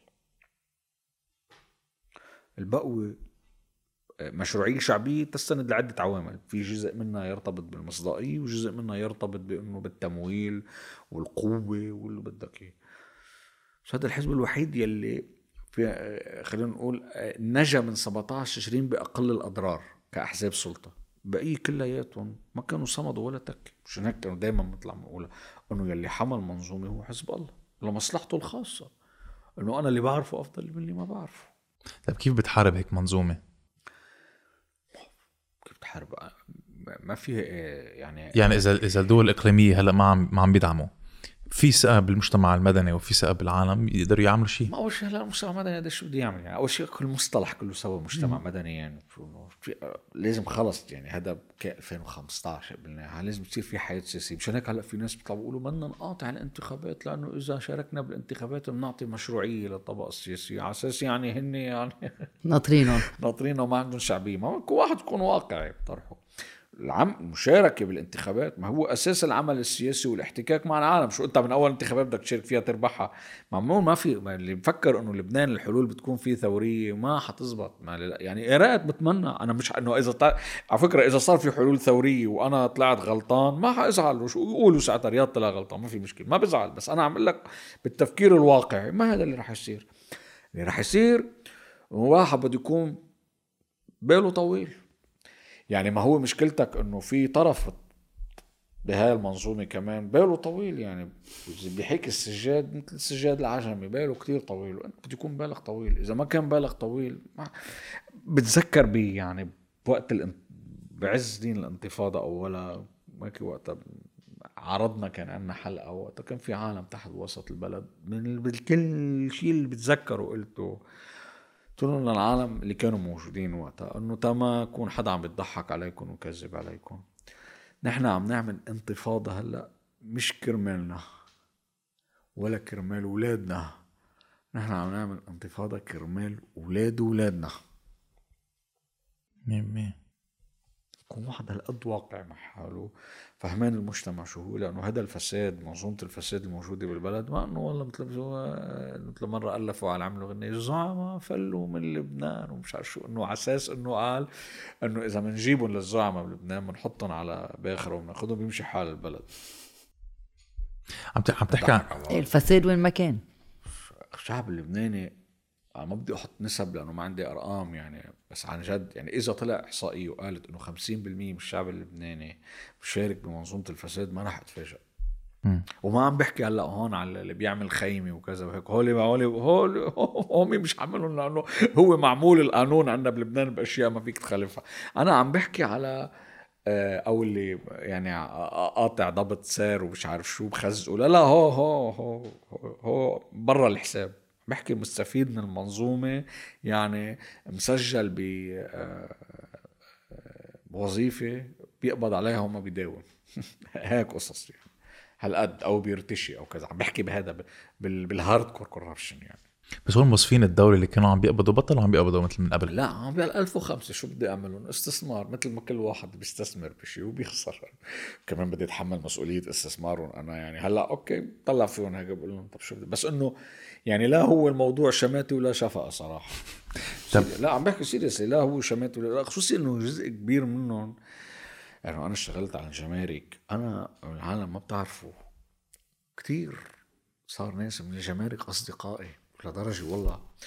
صرت خلص صورت كتير منهم عم بيقبضوا بستحي بقى. 16 واحد إيه. إيه تخيل هلأ ما بدي أقولها كتير أحسن ما يطمنوا بلا ممكن إذا اجى على بالي صوركم بس إنه الفكرة إنه هلأ تيجي تقول له عم تصوروا إنه عم يقبض رشوة وهلأ بلد معروف تيجي تقول له أنت عم تقبض رشوة يعني إنه وقفت علي. لا مش وقفت علي بس ال ال يعني الحجم ال- يعني كان بالقبل أوكي بس هلأ حجم الكارثة بالبلد كتير كبير لتيجي إنه إنه إنه إنه إنه في لأنه المراقب الجمركي أو الكشاف واللي هو منصبه مهم way، إنه عم يقبض رشوة. خلص هلأ صرتي بدك أكثر إنه في ناس فيجرز أعلى. ما عشان ما يطمنوا هذا ما بيمنع إنه نرجع نتكتك. بس إنه عم بحكي بشكل عام يعني. لا صدقا والله 11 10 سنين عم بشتغل على مواضيع بالجمارك. لا من دون ما أقصد بصير في عندي علاقات إنس- مع ألد خصومي أوقات ممكن ما تصدقوا أوقات بعد يوما ما إذا كتبت شو بيقولوا مذكراتي إذا كان حدا كتير مهتم مين هن الأشخاص وشو طبيعة علاقتي فيهم وكيف وهذا لأنه ما خلص. وال... أنا بالجمارك صرت يعني يعني أنا وياهم مش كيف كيف مش إنه على نفس الموجة بس أنا بفهم عليهم دغري شو بيحكوا هن بيفهموا علي أنا شو بحكي لأنه خلص عايشين مع بعض صرنا أنا بتذكر أول تحقيق عملته عن الجمارك 2012 قالوا لي أنت غرقت ما حتطلع. قالوا لي أنت مفكر إنه هذا الموضوع الوحيد اللي حتعمل أنت غرقت ما حتطلع. وفعلا هيك. Pandora's box يعني. هو الج- الجمارك هو microcosm تبع لبنان. من اي ناحيه كل شيء. يخبرنا. كل شيء كل لأنه شيء. بنحكي بالفساد مثل ما يعني كنا كيف عم يعني بيقول كيف معين يعني كيف بدي أقول لك يعني كيف أنت كنت عم تحكي هلأ وتقول لي إنه بيقعدوا بيقولوا عن بعض حرامية وبيرجعوا بيألفوا الوزارة مع بعض ما هيك؟ نفس الشيء بالجمارك. يعني بالجمارك أنت ممكن يكون في هيدا تبع أمل وهذا تبع حزب الله وهذا تبع المستقبل وهذا العوني وهذا القواتجي ممكن تلاقي التاجر الشيعي عم بيروح عند transitaire القواتجي ليهرب له واللي بيقطع لهم الاوراق هو المراقب اللي بطي... بالتيار الوطني الحر واللي بيوافق لهم على العملية هو بتاع المستقبل. كله محاصص بالكل مين بنجامين فرانكلين. تماما. الدودو الأخضر بس يبين تحت تنحل كل المشاكل. وبيبقوا عم بيشب عم بف... عم بيشلخوا بعض بالسياسة. وممكن يوصل الدم للركب يعني بالقصص اللي علاقة بالسياسة. بس في هذا ال container خلص. من وين فتوح وكذا كذا كذا. حاضر السيد هذا خلص مش الحل. السيد بنجامين فرانكلين مش الحل. طب آخر خبر هلأ طلع مش من زمان إنه في شركة دنماركية آه، آه، رفعوا مش دعوة عليها بس لأنه كانت عم بتهرب بعتقد إيه للنظام. إيش- فيك فيك تخبر أكثر عن شو صار؟ كثير التفاصيل صراحة ليك لأنه يعني من جملة الإشياء يلي واحد لما تكون صحفي استقصائي بدك تشتغل على شيء إنه ما ضروري يكون بفهم بكل شيء. يعني حتى بموضوع المرفأ آه زميلي فراس حطوم هو اللي عم بيشتغل على الشق الخارجي. أنا بتذكر أول ما بلشنا شغل ساعدتهم لل OCCRP بس أمنت لهم مستندات من هون كانوا بوقتها. للشيء اللي كانوا عم يشتغلوه برا لهن مين بيملك الباخرة؟ ولأني عم بقرأ المقال فعندي ت- و- وبطلع على الكواليس تبع التحقيق بوقتها. فعندي فكرة كيف معطيات معينه من هونيك بالرايح لأنه تركيزي راح أكثر على المراسلات الداخلية. ما كتير ركزت على ال part الخارجي بس اللي بعرفه من اللي بعرفه إنه هذه الشركة مفروض عليها عقوبات من قبل كان ورجع يمكن ورجع عن جديد انفرض عليها عقوبات على خلفية تزويدها لشركات آه، بت- عم يعني عم بتساعد النظام أو عم تعطيه شيء. هلا ما كتير واضح لأنه صار في لغط مؤخرا. شفت إنه هل ال- العقوبات الأخيرة كانت ربطا بروسوس ولا لا؟ بعدها مش واضحة هذه الجزئية. فمشان هيك ما بقدر أعلق على شيء. لا أنا شغله ولا اطلاعي كامل عليه. أوكي. طيب اليوم وين وصلنا بقصة المرفأ؟ اللي وصلنا له هو إنه آه، في ثلاث فرضيات مثل ما قلنا. في فرضية إنه هالبضاعة كان مقدرا لها ان تأتي إلى لبنان. كان في وفي فرضية إنه هالبضاعة إجت وانحجزت أو خلينا نقول سوري إنه هالبضاعة إجت وتقرصنت بلبنان. يعني يعني إجت هي كانت ماشية على لبنان وقرصنوها. وفي فرضية ثالثة إنه قال إجت وبقيت هيك. في عنا هالثلاث فرضيات. وهول عم بفترض يعني أنا ما مني مطلع على التحقيق وبالمناسبة هي كل مرة بكل مقابلة بقولها ولا عندي أي اتصال معه للمحقق العدلي بس بفترض اللي عم شوفه يعني بوفق المستندات اللي عندي بقدر شو الفرضيات اللي ممكن تكون موجودة. في عنا هطلة فرضيات وفي آه، فرضية أخرى تتعلق بال... بالانفجار نفسه كيف صار ومثل ما قلنا. هل هو حريق؟ وحريق في حريق. يعني ثابت في حريق. مصور شفنا الحريق ولا هذا. آه هذا معمل فرقيع إيه. هذا الحريق آه مفتعل ولا آه عفوي؟ هن بيقولوا أنا عملوا محاكاة أو ما يشبه المحاكاة يعني. أنا ما اطلعت عليها بصراحة بس إنه بيقولوا عملوا محاكاة. بس من الأجواء اللي سمعتها من الناس اللي كانوا هونيك إنه انه في ناس بتقول إنه ضلوا يعيدوها ليزبط الحريق يعني اللي يبين إنه الح- الحريق بس من من مني يعني عن صدقا يعني أنا ما عم- يعني ما عندي لأنه من مصادر مراجع أمنية تانية سمعت شيء تاني بقول إنه لا مش مثل ما هن صوروها. بس لازم. ننطر يعني؟ لازم ننطر. لازم نشوف شو بيطلع بالتحقيق. لازم ننطر بس ما هو مشكلتك وين بهالنقطة؟ أنا ليش عم بقول دايما إنه خلينا نركز على البارت اللي له علاقة بالفساد؟ لأنه يعني هذا الشيء الثابت والواضح. الاشياء الثانية مشكلتك وين فيها مثلا هني من الأشياء اللي بيقولوا له إياها لقاضي العجلي اللي هو أذن أو رخص بافراغ الحمول بناء لطلب الدولة. إنه هو بيجي بالأسباب اللي بعللها. وقت إجت الدولة عم تقول له هاي السفينه عم تغرق عليها بضاعة خطرة ما قالوا له انها متفجرات بتأثر على الملاحة الجوية والبيئة. فإنه إذا بتريد ما نفضيها بدنا ن- نفضيها 100% وإعادة تعويم السفينة. هو الأساس تعويم السفينة. قال له okay ما إنه الدولة. يعني في تقرير صادر عن مديرية النقل البري والبحري اللي هي مستلمه المرفأ. so الدولة عم تيجي تقول له هيك للقاضي. وما في نزاع هون ليجي يطلب خبير يفض النزاع بيناتهم. آه، في وجهات نظر هلا بصرف النظر. فإجا طب هلأ فعنا في ناس عم يقولوا لا أنت كان لازم تطلب خبير. إنه ما تصدق الدولة. طب ما هلا مين عم بيحقق؟ النقاش اللي بيطرح نفسه. مين يعني المحقق العدلي لما عم بيحقق؟ الأدوات اللي عم بتحقق له مين؟ يعني إعادة المحاكاة مين عملها؟ ثلاث اشخاص مخابرات الجيش. إنه الجيش. طب ما ما الجيش. نحن عليه في سؤال كتير كبير له علاقه على قائد الجيش السابق إنه لما عرف وقالوا له إنه هون نترات أمونيوم أو هو سأل عنهم على فكرة مش قالوا له هو سأل عنهم قالوا هون نترات أمونيوم. في مجال تقولوا لنا قد إيه نتيجته لما خبروه قد إيه نتيجته وتاكد إنه متفجرات. قال له ما بدي إياهم. بيعوهم وهذا وما عاد رجعوا تابع على الموضوع. طب إنه أنا يعني ما هي في مشكل ليش أمن الدولي نفسهم يلي عملوا التقرير؟ ما هو المشكل هلأ يعني يعطيه العافية الرائد الدافع إنه عمل التقرير لأنه كان لازم حدا يحكي حكي. بس التقرير نفسه سيء. التقرير نفسه التقرير هو هذا اللي مذكور فيه بعد. إذا ماني غلطان موضوع حجز البضاعة اسم القاضي غلط كان سلسله أخطاء. ولما بعتوه على مجلس الدفاع الأعلى هذه لأنه طب ضابط ممكن يغلط طبعا لأنه هو عم بينقل حتى كمان الروايات مثل ما عم بيقولوا له إياها على المرفأ. فممكن تكون الأخطاء ناجمة عن هذا الشيء. هون دور إنه يكون في رئيس عليك يعمل إشراف على التحقيق اللي أنت عامله. واضح إنه ما قاريه. لأنه لما بعتوا لمجلس الدفاع الأعلى يعني لما بعتوا لرئيس الجمهوريه رئيس الحكومة بعتوا بعنوان باخرة محمله بنترات الأمونيوم. سفينه. مفرغه من ست سنين. ستة تروتار سفينه مفرغه من ست سنين. بيبعت لهم باخرة محمله بنترات الأمونيوم. ونوصل على مقطع رئيس الحكومة اللي بيقول لك قال إنه هو جوجلها. أخي طب جوجلتها ماشي الحال. هن بصير يقول لك. هلأ يعني حسان دياب المسؤول يا أخي مش حسان دياب المسؤول إنه قال كان في قبله وزراء. السؤال اللي قبله عرفه. هذا هو السؤال. بس إنه بلغوك. جوجلتها طب يا خيي ما هو التقرير يلي وصل أول مرة ل... لمديرية النقل وأخفته عن عن القضاء هي بوقتها اللي بعتته شركة بارودي. طب ما هذا التقرير بيقول في إنه هذا النترات الأمونيوم إذا تخزن بظروف سيئة ب 25 بلد بنفجر من دون صاعق من دون شيء يعني بينفجر لحاله.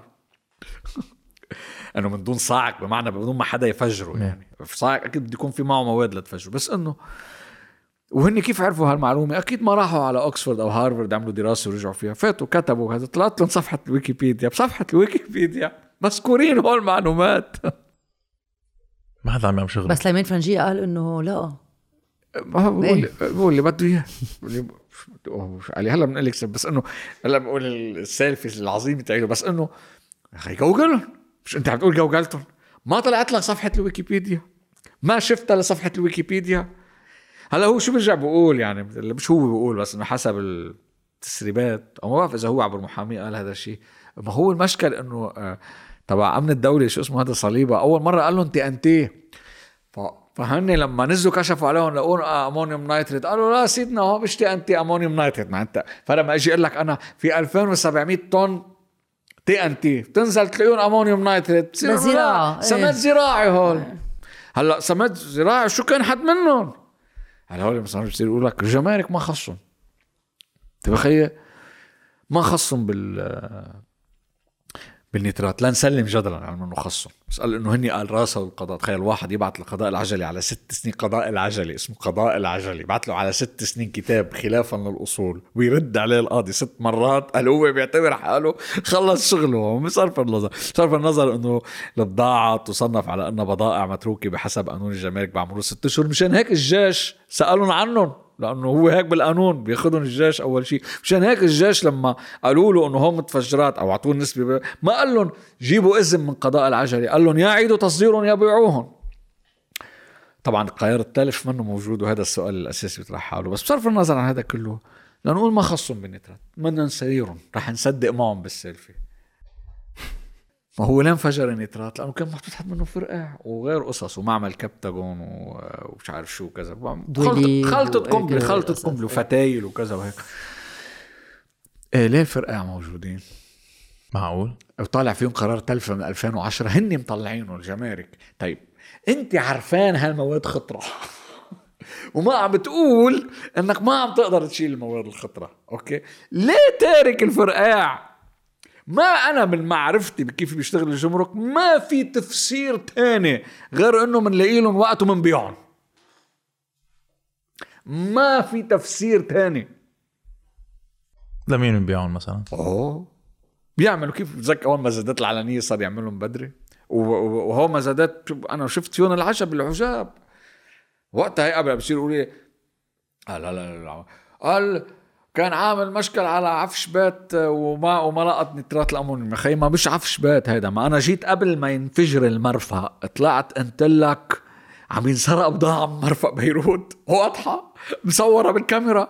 بدري ظاهر بيجي بيقولوا له هذا ال container آه، بيجي عنده واحد بيقول له ليك أنا اشتريت من عندك المرة الماضية. قلت شوف المستوى؟ أنا اشتريت من عندك المرة الماضية. ومفكرها كاميرا فوتو ما عارف إنه فيديو. أنا اشتريت من عندك المرة الماضية container فيه 90 موتوسيكل. طلع فيه بس 73 موتوسيكل. شو بدنا نعمل؟ قال له مش مشكلة هلأ بنحل ما ناقشوا إذا معه حق ولا لأ. دغري عارف إنه بتخيل أخي قال له هلأ بنشوف شو بنعمل كذا. اجى فجأة في ثلاث containerات عم يبيعوا أدوات منزليه قال له اجى واحد عم بيوصل وصل بالمزاد لل 40 45 بيجي واحد بيقول له بياخذوا منك 25 بنسى موضوع الموتوسيكلات. قال له خذوا بيحكوا للعيال يحكوا. له خيي في 17 هول هول موظفين دولة. و- مدير عام هذا. بس أنت القصة وين هون؟ إنه في موتوسيكلات مسروقة. م- مش إنه مثلا دي في آر. موتوسيكل. أخي كيف طلع من البور هذا؟ ما فتحوا تحقيق. ما فتحوا تحقيق. العقيد سلوم اللي موقوف اللي هو مخابرات port بيروت قال اللي ما كان عارف إنه في نترات أمونيوم. هذا ما- عارف أصلا إيه. قال ما عناه الموضوع. هذا بين معنا رحنا شفنا المزادات المعمولة. الشوفير تبعه كان في واحد شاري سيارة ميني كوبر يمكن أو شيء من ب 13000 بالمزاد. خلوه يرجعها خلوه يرجعها يعني هو اشتراها. خلوه يرجعها ورجعوا باعوها ب 3000 لشوفيره للعميد سلوم شو بت... شو بده يعملوا فيهم؟ ها لحسة أصبع بالنسبة لهم، هن النترات مش لهم، ما ب... أوكي و... و... ولا ما بعرف إذا كانوا حابين يشيلوهم وما حدا خلاهم ولا ما... هذا ببين بالتحقيقات. أنا ما عندي جواب عليه. وما بنعرف إذا كانوا ال 2700 طن موجودين. ولا يا عمي بالمراسلات. أنا مرة قبل ما أكون عارف فيها هالمراسلة تبع الأمن العام عملت ال calculation الحسبة. انه خيي اذا بدك تنزل 2700 طن الطن كيس وكل كيس طن. وإذا بدك تنزله بدك تجيب رافعة لنقول جابوا رافع تاني يا خيي وسالت دقات للي بيشتغلوا بالرافعات قد إيه بدك لتشيل؟ حسبتها طلع بدهم يشتغلوا تقريبا شي 48 ساعة سحبه وحدة لينزلوا 1000 2700 طن. بالتقرير تبعولهم بست ساعات نزلوهم حطوهم على الرصيف. بتقرير الأمن العام بيقولوا إنه الرصيف رقم تسعة كله ما فوتوهم دغري على العنبر أول شيء الرصيف رقم تسعة اللي هو بوجه العنبر. امتلى كلياته. خي عملت ال calculations تبعولي ما بيساعوا. غير إنه ما فيك تنزل بست 2700 ساعات طن. 2700 ما بيساعوا. بس أنت القصة وين؟ هاي موجوده بمراسله فضوهم على الرصيف. يعني أنت بتخيل شو بقول لك؟ قال يسرقوهم وباب العنبر وانخلع. لك هو كانوا مر... هو بقوا مشلوحين على الرصيف 10 أيام. يعني كل كميون ممكن يكون هو طالع. بياخد شوي. بتحط لك معه كيس. ما هو حجم صغير حجمه مقارنة بوزنه. يعني ألف طن أنت بتقول ألف طن أوف ألف طن كيس هالقد. شو ما عم بصير وبيطلع جبران باسيل الأحلى شيء. مهضوم جبران باسيل وحياة الله. مهضوم عن جد مهضوم. إنه أول ما بلش الانفجار مهضوم. بلش أول أول ما صار الانفجار طلع على البي بي سي وقتها ويقول لها مش مهم مين حطهم مهم مين فجرهم. هو عرف إنه في حدا فجرهم. كيف ما بنعرف؟ خلص. أخ... إنه انتبه هيدي دائما أول شيء هاي كانوا عم يجربوا يبعدوا عن موضوع الفساد بعدين استسلموا لها بس لما بعدين صرنا بدنا نطالب بالوزراء والنواب ما قبلوا فيها يعني أول شيء قالوا بنعمل معكم تنازل انه إنه بدري ظاهر شفيق مرعي حسن قريطم عبد الحفيظ القيسي هولي لما اكتشفوا إنه العالم لا إنه هو بيتوقفوا لا بس هو بداية المفروض يتوقف ال... أو على القليل يتم الادعاء وينبعت على التحقيق ورا اللي اعلى منهم. عم تدقوا بال... بالعصب المافيوزي ما بتزبط. مهم. قال شو بيقول؟ بيقول إنه هاي البضاعة انسرقت. مهم نعرف مين اللي سرقها ومين المسؤول عن اللي سرقها. وبيرجع دغري وراها بكعبها بيقول جملة وراها؟ دغري دغري بكعبها بيقول وعلى كل حال بدري ظاهر مظلوم. يا خيي أنت شو مفكروا لبدري ظاهر؟ مسؤول كان عن شو يعني؟ إذا هو ما عارف إنه مدير عام الجمارك مسؤول عن المرفأ عنده مشكل. عم ما عم بيعمل شغله. لا إنه هو شو مفكر إنه حتى ما ما لا, لا, لا العالم تفهم. المداخل والمخارج تبع البور عليها عسكر للجمارك وعسكر للجيش. يعني في حاجزين انت بتقطعهم. حاجز بسموه الشعب المركزية تبع ال- الجمارك وحاجز لل- للجيش. وهو الشعب المركزية عمين محسوب بيكون. عليهم لا على الثنائي حليفه. وما في يجي هو كمدير جمارك يجي يقول إنه أنا ما خصني باللي هن بيعملوهم إنه مدير يا مدير جمارك يا مش مدير جمارك. هلأ إذا عم بيقول لي إنه البور كان يدار ضمن منطق أو مبدأ الأمن بالتراضي فيطلع يصارح جمهوره بهذا الشيء. بس يطلع ويسولف علينا أخبار ويقلنا إنه البضاعه انسرقت مهم نعرف مين اللي سرقها ولا كأنه هو كان عنده مدير عام جمارك لبنان مدير مصلحة مرفأ بيروت كمان حنا فارس ذكروا محسوب عليه هون. هو أيضا مدير إقليم بيروت كلهم كانوا محسوبين عليه. يطلع يقول كيف البضاعه انسرقت شو كانوا عم يعملوا هو على المرفأ؟ عم يجلسوا كاجو؟ شو كانوا عم يعملوا على المرفأ؟ كيف شو يعني جد كيف يعني شو الوقاحه بالتناقض بالخطاب اللي عندهم؟ في وقت عندك انه إنه حزب الله على القليلة ملتزم بخطاب ما مفهوم شو هو. يعني لا بده مثل العادي يحمل إسرائيل لما بتناسبه. لأنه اذا قال إسرائيل ليش إسرائيل إجت عملت عمل أمني أو قصفت ما بتزبط. ما ما مش ما قدران يمشي بهالسالفه ولا ماشي بسالفه الفساد. بقول لك ما السالفه مين جاب النيترات؟ شو بغير؟ يعني مين ما كان جايب النيترات؟ خلينا نفترض لهم يا مرة خلينا نفترض إنه المعارضة السورية. خلينا نفترض هذا السؤال مش هيك؟ هن استعملوا هيدي السردية. إيه. لا لا ما كتير. قال هو مرة قال بخطابه قال نحن لأنه عندنا ضمير ما بنعمل هيك. لأنه قال لا ما عندنا أدلة. بس خلينا نفترض ما هو شو الاحتلال لأنه إذا قصده النظام السوري مستحيل يكون قصده. بيبقى هاي. شو يعني؟ يعني علي حسن خليل وعباس إبراهيم ويوسف فينيانوس ويوسف زعيتر أو غازي زعيتر وبدري ظاهر.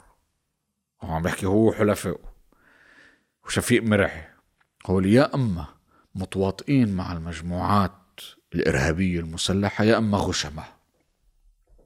بشكل إنه بعز دين الانفجارات بلبنان كانوا عم يقدروا يفوتوا نترات أمونيوم. نقي واختار. ما في ما ما فيك. يعني لا بدهم فساد ولا بد ما بدهم شيء. بدهم إنه قضاء وقدر اللي طلع وطلعت زحطت من لسانه لحمد حسن. إنه بتصير يا خي. مثلهم مثل هاللبنانيين يلي انقصفوا بالحروب اللي صارت. بس لا هي مش هيك. لأنه رح أقول لك وأنا كرمال هيك على فكرة كنت له هلأ عملوا لجلتين أهل. في وحدة بتسمي حالها لجنة الأهالي الضحايا وحدة بتسمي حالها اللجنة التاسيسيه للضح... للشهداء المرفأ. قلت له أنا من الأولانية بصدقها دغري على العميين اول لأنه سموهم ضحايا بالشهداء. بتيجي بتقصفك إسرائيل تسمي حالك شهيد. أوكي. احزاب من بعض بيقتلوا بعض بسمي حالك شهيد. بس هاي مش هيك. هاي بصرف النظر مين قصف ومين ما قصف أو إذا حدا قصف أو حدا ما قصف عمل أمني ولا مش عمل أمني. هذا في شيء قبل هو كلهم. في حدا حط محشاية بنص بيروت. في حدا حط محشاية بنص بيروت. وعملها عن غشمنة عن لقم عن قصد لأنه كان عم يفكر بقصص تانية لأنه كان عم يفكر بجيبته. كلهم مثل بعض. This is our تشيرنوبل نحن مثل كيف تشيرنوبل. ونفس الشيء نفس المنطق. التكتم ولا وبالمسؤوليات ونفس ال نفس ال نفس السالفة. والتداعيات ستكون نفسها. والتداعيات ستكون نفسها. بتاخذ وقت بس ستكون نفسها. وهن بيعرفوا هذا الشيء. فيك تشرح كيف صار في شرخ بين أهل الضحايا؟ شو صار؟ ليه صار في والله جروب ما عندي فكرة. أنا صراحة حتى للأمانة حتى مع اهالي الضع لا لأنه عم بشتغل على هذا الموضوع للماكسيموم قد ما في جربت قلل الاحتكاك مع اهالي الضحايا.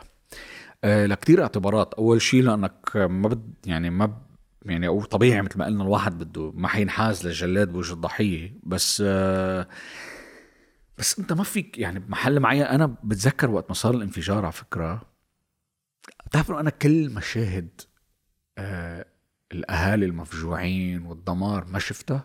لأنه أنا اللي صار إنه صار الانفجار كنت ببيتي و... وأنا صراحة افتكرت قنبلة نووية ضربنا انقصفنا بشيء. أنا صدق أنا بيتي بالمنصورية. وما وال...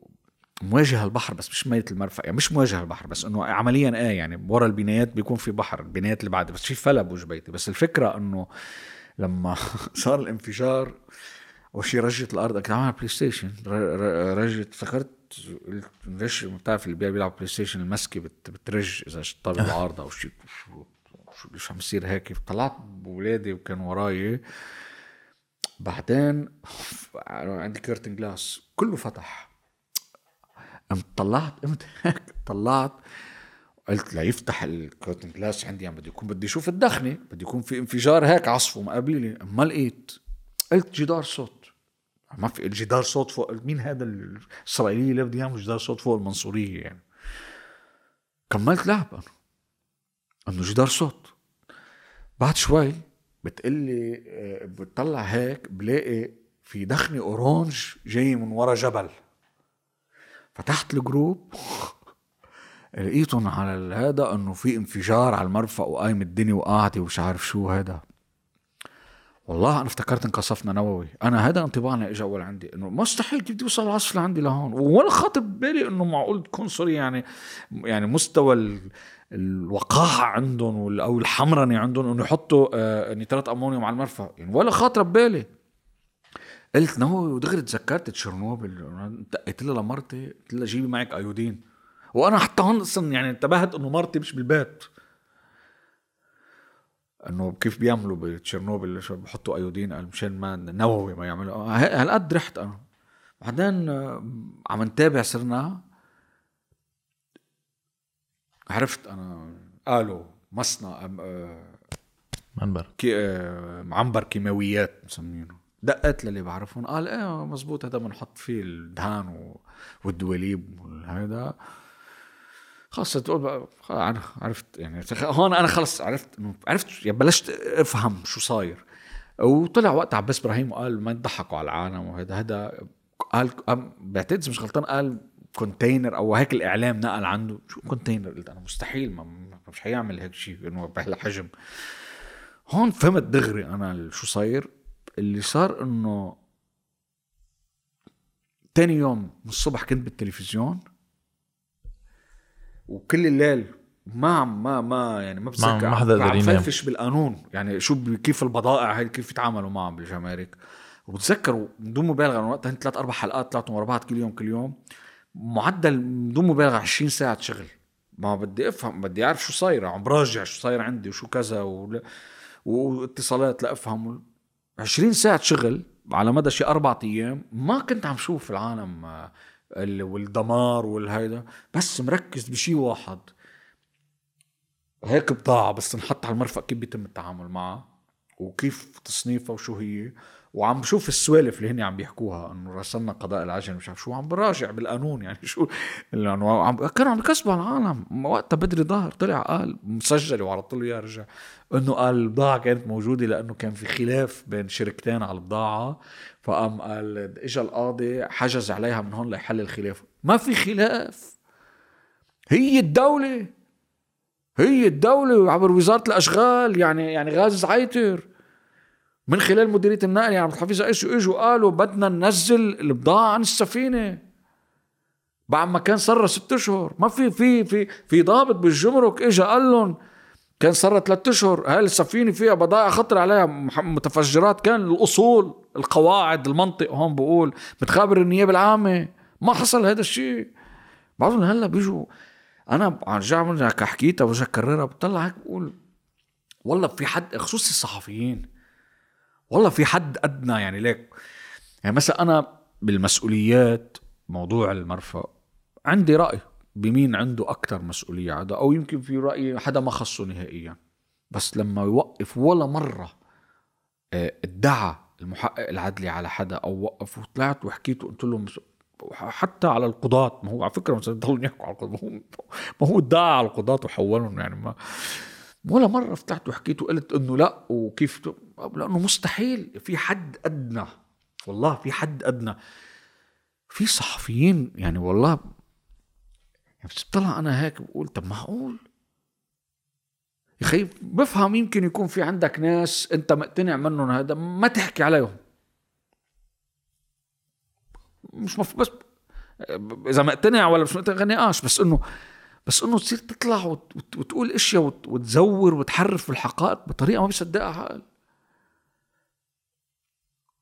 إنه ولا شيء إنه إجت التعليمات هلأ بدنا نقول إنه القاضي مسيس. يلا بدنا نقول إنه القاضي مسيس. والله لو بيدرسوا ملفهم ما بزعل. يعني أنا مصابي لأنه ملف المرفأ حافظه يعني صار براسي. لو بيدرسوا ملفهم ما بزعل. بس يطلعوا بيحكوا بصيروا خبصوا بصيروا يحكوا قصص. ولا حتى ما ما بيحكوا مثلا اذا أنا مش انتبهتوا يمكن أنا عم بحكي بشغله بقول لكم إذا مش واثق منها بقول مش واثق منها أو يمكن. لا لا لا لا بثقه طلع انت هيك ما ما المستند هي واضح. اللي عم تحكيه مش مزبوط إنه هذا شيء يلي بده مثلا ليك بما إنه الملف هو هيك على تصنيف المرفأ. انه ملف المرفأ وملف مسيحي باعتبار إنه أكثر المناطق تضررت هي الأشرفية. لك آه okay حنركبها على القاضي إنه هو آه عم بيكون آه آه عم بي عم بيتصرف طائفيا. فخد فلا بيجوا مثلا فريق بجرب يدفشوا باتجاه إنه الوزراء الشيعة فريق بجرب يصير يدفشوا باتجاه وزراء السنة وبيخترع وقائع مش موجودة حتى بس تزبط معه يعني في منهم. إنه خ... إنه بديش فوت باسماء مشان ما بين عم دافع عن فلان وعلتان. إنه هيدا المسؤول عن تفويت السفينة. السفينة ف- أهضم مثال في تبع اليونيفيل.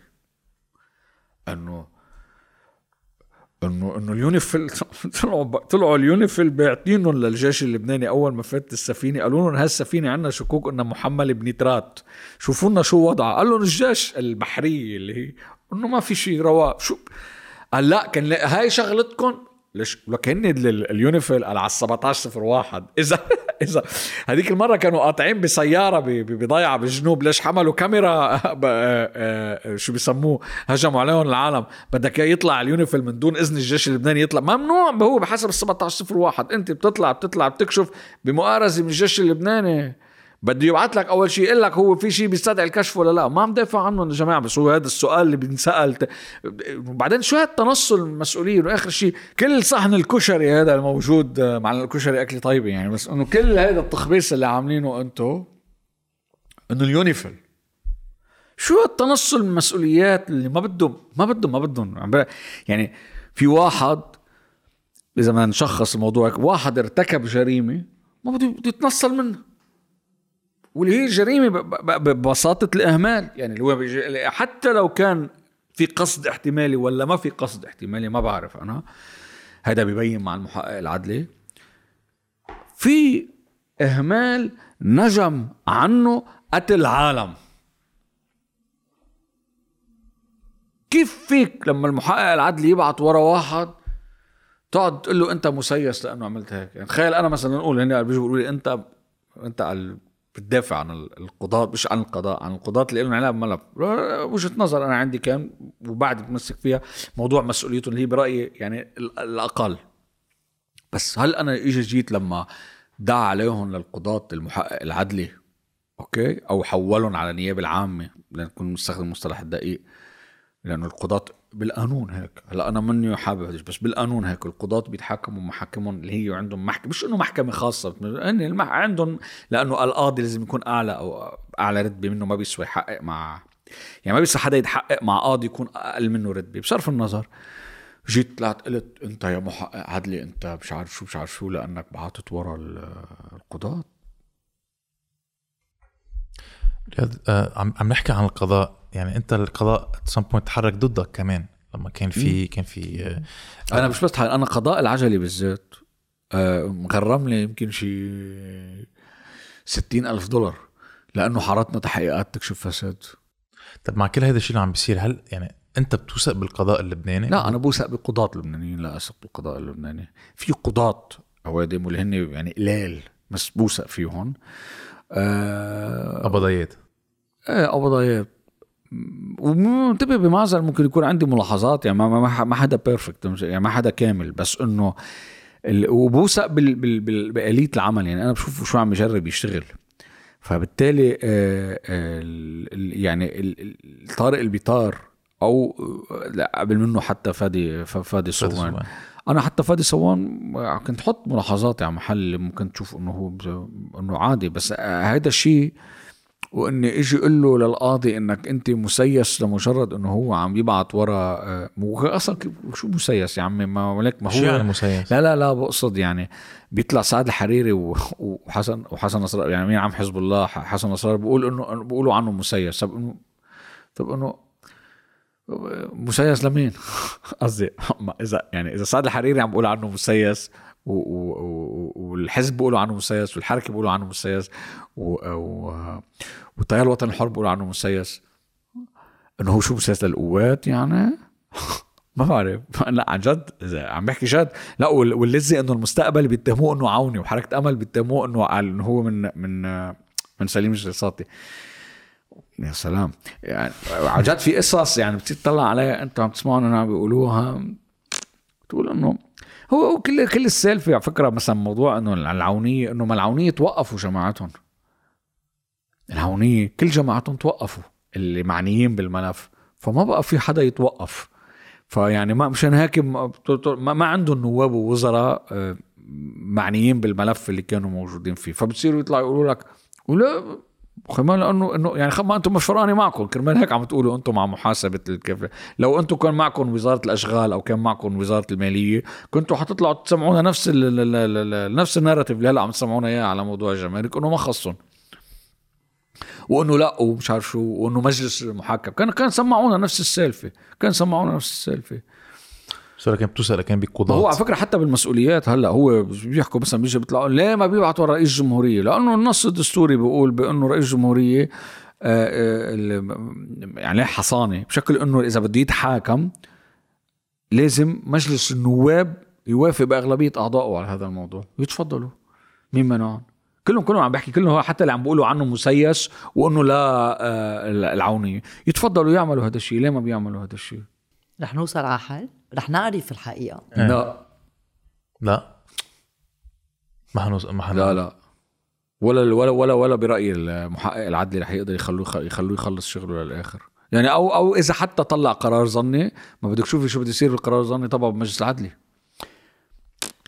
يعني مثل قلتها آه مش مثل قلتها بمعنى انه مثل قلتها بمعنى ال ال ال ال الحقيقة. يعني إذا مفكرة انه يعني إنه حتشوفي ناس ورا القضبان وكذا وهيك. الأهمية باللي عم بيصير واللي مشان هيك عم بقول هون أهمية بعكس مثل قلتها. مثل قلتها إذا عم تفكر انه إنه هذه بسموها؟ هذه النهايات الهوليوودية يعني مش هيك الموضوع رح يكون. بالمعنى العملي أهميتها بإنه آه، الناس رح تشوف مين آه، جرب يعرف الحقيقة ومين عرقل يعرف الحقيقة. وهيدا أهميته بالانتخابات الحالية والانتخابات اللي جاية واللي بعدها واللي بعدها لأنه حدث بحجم أربعة آب رح يحفر عميقا بالذاكرة الجماعية. منه شيء هيك بينتسى بسهولة ومنه آه، استهداف لزعيم سياسي يعني محاولة اغتيال أو اغتيال لزعيم سياسي كرمال تتشقلب كيف لا لا بالذاكرة الجماعية بده يتذكر إنه في انفجار صار وفي ناس جربت تعرقل أو عرقلت اكشلي الوصول للحقيقه أهمية اللي عم يعمله طارق البطار إنه عم ما عم بيستسلم. هن بدهم إياه كان دغري يستسلم. إنه نقول بسكوا ركبك وبيمشي الحال. هن هذا اللي كان بدهم إياه. بدنا نقبعك. أه. اللي هو هو ما استسلم. هذا أهمية اللي عم يعمله. إنه في حدا يطلع يقول لا. وهذه هن ما معوضين عليها بالقضاء.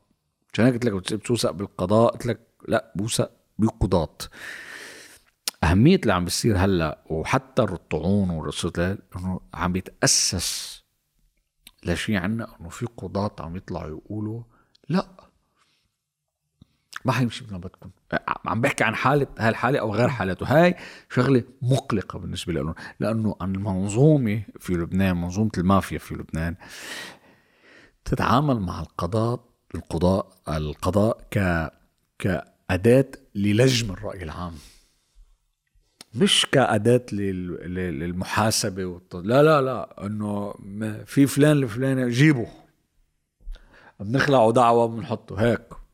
وفي قضاة كتير آه، موجودين آه، غب الطلب جاهزين يعملوا هذا الشيء مقابل إنه يصيروا آه، وزراء أو نواب أو يستلموا مناصب بالدولة وللأسف في قضاة محترمين يعني كان معروف عنهم سمعتهم محترمة سقطوا بهذا الفخ. فكرمال هيك طارق البيطار عم يخلق prototype ولا شيء من خارج منظومة المافيا. لهذا القاضي اللي بيقول لا وهني بيخافوا إنه النموذج يتعمم. فلهيك هلأ هني مصرين عم يروحوا يفتشوا على مين طارق البيطار كان مصاحب منه. عم خب... أشياء لا تعقل يا أخي. أشياء لا تعقل يعني و by the أنا بعرف إنه دائما بيعملوها. يعني حتى انسى هن دائما أي شخص من خارج المنظومة بجربوا يعملوا فيه هذا الشيء. يصيروا يفتشوا ويبحثوا ويسوفوا ويعملوا عليه. لأنه ما بدهم أي نموذج من خارج الفقاعة اللي هن رسمين إياها. اللي هي رسمناها قلناها بوضوح. هن آلهة untouchable. بيعملوا اللي بدهم إياه خارج مبدأ الثواب والعقاب وهن بيقرروا شو الصح وشو الغلط.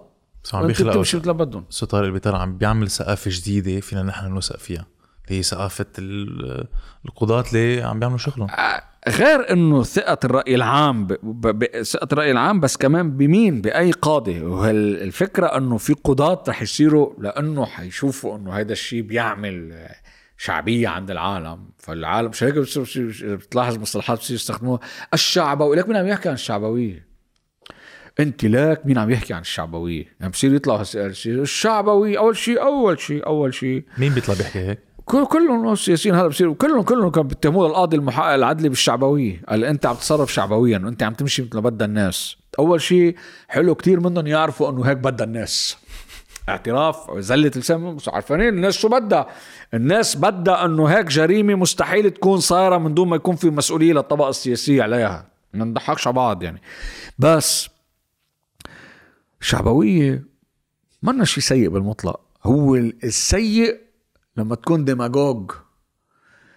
الديماغوجية. يعني لما أنت تطلع تحكي بشيء وتعمل عكسه. يعني لما تطلع انت تقلنا انه أنا إيه، إذا تحدثت طائفيا فانبذوني. ترجع تكون مسيرتك كلياتها. انك انت عم تحكي عن حقوق المسيحيين. بس حتى انت وعم تحكي عن حقوق المسيحيين تكون عم تشتغل لحقوق جماعتك.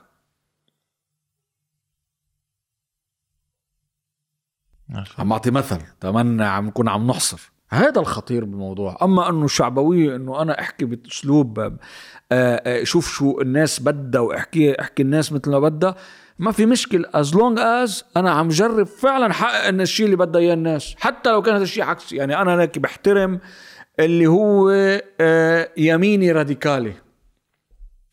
بمعنى إنه شو؟ إذا هو والله الله خطابه كان إنه شو بعرفني؟ هو ضد اللاجئين مثلا. ما بأيده وضده بس بحترم خاصية صدقه إنه هو مش إنه مثلا عم يعمل هيدا الشيء ليوصل للحكم و و وبعدين يشتغل عكسه. إذا هو هاي قناعته بحترم صدقه بس لا أحترم قناعاته. بس يلي بيحكي شيء بيرجع بيحكي شيء بيرجع بيحكي شيء بيرجع بيوصل للسلطة وبيرجع بيحكي شيء لا هذا لا بحترم أهدافه ولا بحترمه هو كشخص. لأنه هذا شخص بيكون كل هدفه بالنسبة للعالم منه شايفهم إلا أرقام. وبتضحك عليهم كرمال يحقق مكاسبه الشخصية.